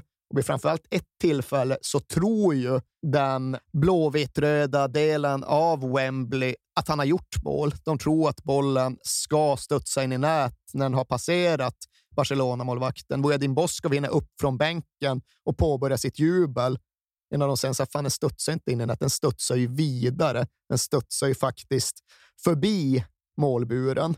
Men det är ju i alla fall otroligt jävla grymt att matchen får utvecklingen som den får och slutar på det sätt som den gör. För till sist, med bara några få minuter kvar av förlängningen, får ju FC Barcelona, Cruyffs Barcelona, en frispark som det fan är frågan om Ja, de ska ha ja. överhuvudtaget. Nej. Och det här är ju ett läge då Sampdoria visserligen känner att det är helvete att vi inte är avgjort, men straffar, bring it on. Mm, vi har Pagliuca i mål. Vi löser, vi kommer vinna på straffar. Ja. Men några få minuter före det är dags för straffsparksläggning, ja, då får FC Barcelona den tveksamma frisparken. Och resten vet ni ju. Någon jäkel petar bollen till Ronald Koeman och när någon petar bollen till Ronald Rambo Koeman, ja, då är det mycket som krävs för att den inte ska susa in i nät, oavsett hur långt målburen ligger framför. Litet misstag på Aljoka också. Faktiskt. Ja, kanske. Han tar ett steg åt vänster där. Oh, nej, visst, det, det hade gått att göra annorlunda. Men nu blev det som det blev. Sampdoria förlorar Europacupfinalen på ett sätt som är, som är svårt att tugga i sig. Tror du Roberto Mancini tar det med jämnmod eller? Nej. Han jagar ju domaren över hela jävla London innan han får tag på det för så jävla salva. Jag kommer inte ihåg hur många matcher han blev avstängd, men det var ju, det var ju lätt ett halvdussin matcher han fick som avstängning Ja. efter den utskällningen. Och Vialli tar inte ens emot silvermedaljen. Varken tränaren eller kaptenen dyker upp på presskonferensen trots att det är strikta Uefa-regler. Så äh, Sampdoria tar väl inte förlusten med balanserat glatt humör direkt. Den här gången visste de ju att det faktiskt var slutet. Den här gången fanns det inte några fler blodspakter att ingå. Den här gången så var det matchen som innebar slutet för alla andra matcher. Deschamps, Paolo Sousa. Ancora un ottimo lancio per eh, Ravanelli. A centro area il tiro di Vialli, tripletta di Vialli e questo è un Eurogol. Ytterligare en gång hade Paolo Mantovani bestämt sig för att sälja Gianluca Vialli. Och den här gången menade han allvar. Den här gången menade han allvar av en anledning som inte skulle klarna förrän rätt långt senare. Men han förklarade i alla fall för Gianluca Vialli att Nej, men den här gången spelar det ingen roll ifall du kryper in på knäna ytterligare en gång, utan den här gången så vill jag att du ska gå. Klubbens ekonomi är beroende av det. Och klubbens ekonomi, du har ju alla oljepengar i världen. Ja, men det är så här nu. Om du älskar Sampdoria, så lämna klubben den här gången. Och efter att vi alla har haft det mötet med Mantovani så är det klart att han går till restaurangen, för där väntar ju de andra dvärgarna och Snövit. Men den här gången så finns det bara ett besked att ge dem och det är att äh, den här gången är det på riktigt. Den här gången så är det över, för den här gången vill verkligen presidenten att jag lämnar klubben och då kan inte jag gå emot honom. Och det är klart att Snövit och de sju dvärgarna, det, det finns en eh, förkärlek för drama där. Så det var inte ett besked som bara liksom lämnades och sen gicks vidare ifrån, utan det blev ju både gråt och tandagnisslan Mm. såklart hela den kvällen lång. Mer eller mindre alla ska såklart ha gråtit för att alla visste att det var över. Roberto Mancini tänkte stanna kvar i klubben, absolut, men det var ändå så att min ungdom tog slut där och då, som Mancini själv sa. Och även om Europacupfinalen var spelad så var ju inte den italienska säsongen riktigt slut. Det fanns en Serie A-match kvar och typiskt nog så skulle den spelas mot Cremonese från Gianluca Viallis hemstad Cremona. Hans allra första match för Sampdoria var mot Cremonese. Hans allra sista match för Sampdoria var mot Cremonese. Och nu var det inte Pellegrini med binden, det var inte Vierkod med binden, det var inte Mancini med binden, utan det var såklart Vialli med binden. Och han gjorde mål en bit in i andra halvlek och liksom efter det målet, jag vet inte hur långt spelarbrottet är, men han springer ju runt och tackar precis. känns som att han tackar varenda åskådare inne på hela arenan. Och det är en gigantisk banderoll från Ultras Tito Cucciaroni. Säger sig för att det var världens allra första ultrasgrupp. Jaha. Det kanske de var. Ja. men de har hängt upp den här banderollen. Nu när du lämnar oss, då kommer du förstå vad det innebär att verkligen vara älskad. Och det där kommer att bli lite otäckt talande ord för det som därefter händer med Sampdoria. För de faller inte ifrån sportsligt. Svennis kommer dit och Svennis lyckas locka in Rod Schüllit och det är David Platt och Mm. en massa bra spelare. Och det finns absolut en rimlig förhoppning om att de ska kunna vinna ligan igen efter att ha tagit ett nytt avstamp säsongen 93-94. Men ser bra ut, kan bli ligatitel av det här. Men hösten 1993 dör ju sen Paolo Mantovani. Han hade kämpat mot lungcancer under ganska lång tid och det spelade liksom inte så stor roll hur många specialkliniker han försökte med där borta i Arizona, där han tillbringade en hel del tid, det var obotligt. Det var oåterkalleligt och Paolo Mantovani visste det. Och där är det ju många som menar att gåtan som egentligen inte riktigt gick att förklara fick sitt svar. Liksom, varför sålde Paolo Mantovani Vialli? Varför insisterade han på att Gianluca Vialli skulle lämna klubben? Ja, det var för att han visste att han själv skulle dö, att Sampdoria därefter inte skulle bli sig likt och att Gianluca Vialli därför skulle få chansen att förverkliga sig själv och sin talang. Han skulle få möjligheten att ta den där revanschen som Mantovani visste att han behövde. Han skulle få möjlighet att vinna en Europacupfinal snarare än att bli ihågkommen som mannen som kostade en Europacupfinal och det ville Mantovani att han skulle få göra och därför tvingade han bort en av sina söner från det egna fadershuset. Och vad var det Ultras Tito Cucciaroni sa? Det är när du lämnar oss som du kommer förstå vad det innebär att verkligen vara älskad. När Paolo Mantovani lämnade jordelivet, när klubben Sampdoria och staden Genua skulle minnas honom, ja, då blev det ju en ceremoni som ja, men bokstavligt talat fick både gatorna och klockorna att stanna. Hans begravningsceremoni skulle inledas klockan 12. Redan från före klockan sju den morgonen så var det ju fullt med folk utanför den aktuella kyrkan. Och när klockan väl slog 12 så gjorde polisen någon form av överslagsräkning och kom fram till att ja, det är klart fler. Det är 40, det är nästan 50 000 människor som har samlats utanför den här kyrkan. Och så många rymdes det inte ens på ett fullsatt Marassi. Nej. Och det var lite talande för att det var inte bara Sampdoria-folk som var där. Det var många Genoa-anhängare som också ville hedra en president som alltid hade betonat fotbollens enande kraft, som aldrig hade talat illa om en derbyrival. Och inne i själva kyrkan, där rymdes det typ 1500 och bland dem fanns ju hela delegationen från Genoa Cricket and Football Club. Det var ju spelarna och det var ju ledarna och det var ju klubbpresidenten.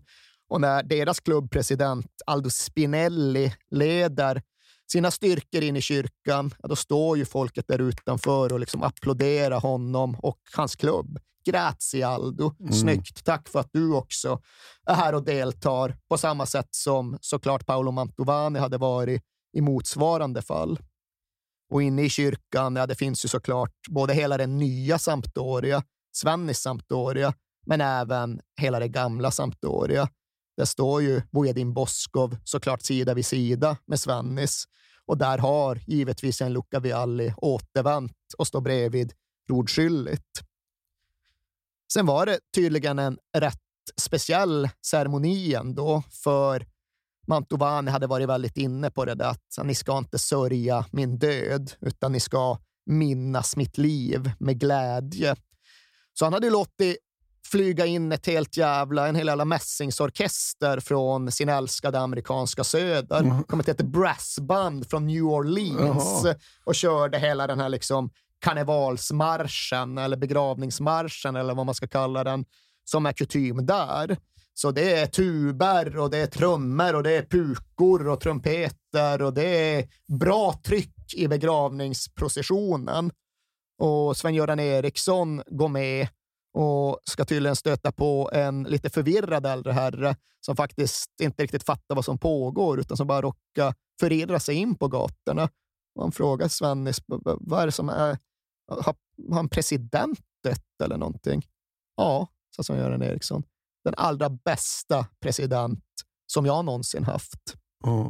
Men Svennis var ju ändå ganska ny i stan, ganska ny i klubben, så han gick lite längre bak i begravningståget.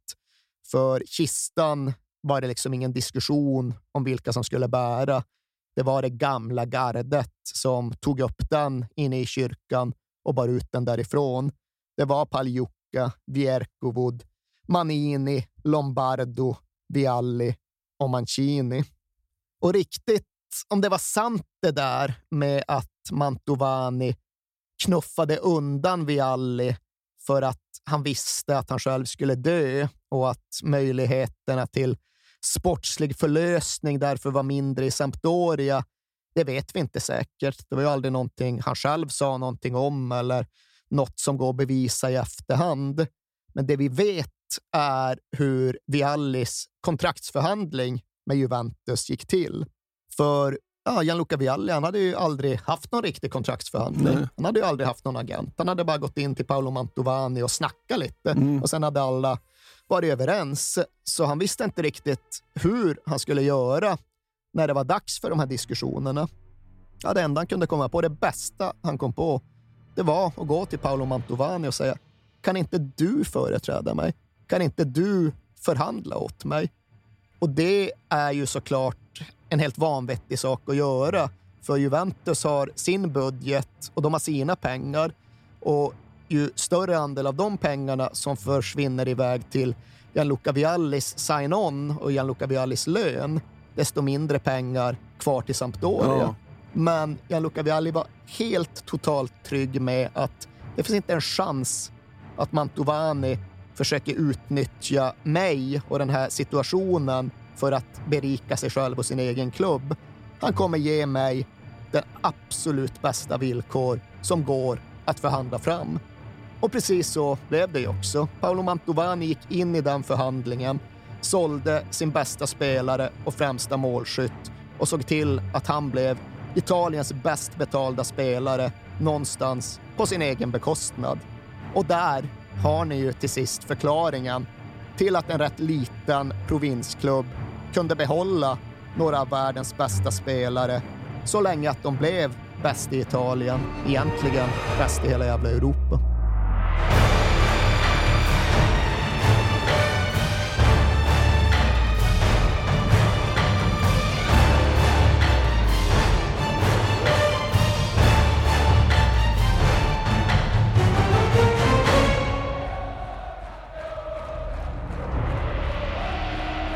Du har hört When We Were Kings om Sampdoria 1990-1991. Eh, fortsätt mejla oss på kingsatperfectdaymedia.se och följ oss hemskt gärna på wwk podcast eh, på Instagram så får ni lite bilder till det vi pratar om också. Och se till att gå in på www.kmerch.se ni kan såklart även klicka er vidare genom våra olika socialmediala kanaler. För om bara ett dygn så ligger det ett helt nytt t-shirt-motiv där. Då finns tröjan som förkroppsligar Sampdorias säsong 1990-91 till allmän beskådan. Och vi hörs nästa vecka igen som vanligt. Vilket lag det blir då får vi se. Ha det så bra. Hej då. Den här podcasten är producerad av Perfect Day Media. Var det ens ett jävla land på den här tiden? När blev Italien ett land på det sättet? 1861. Va? Ja, bra. Fan vad du sitter på den Ja, men det är alltså. Garibaldi. Det är, Fan vad du bara dammar av Garibaldi. Sådär.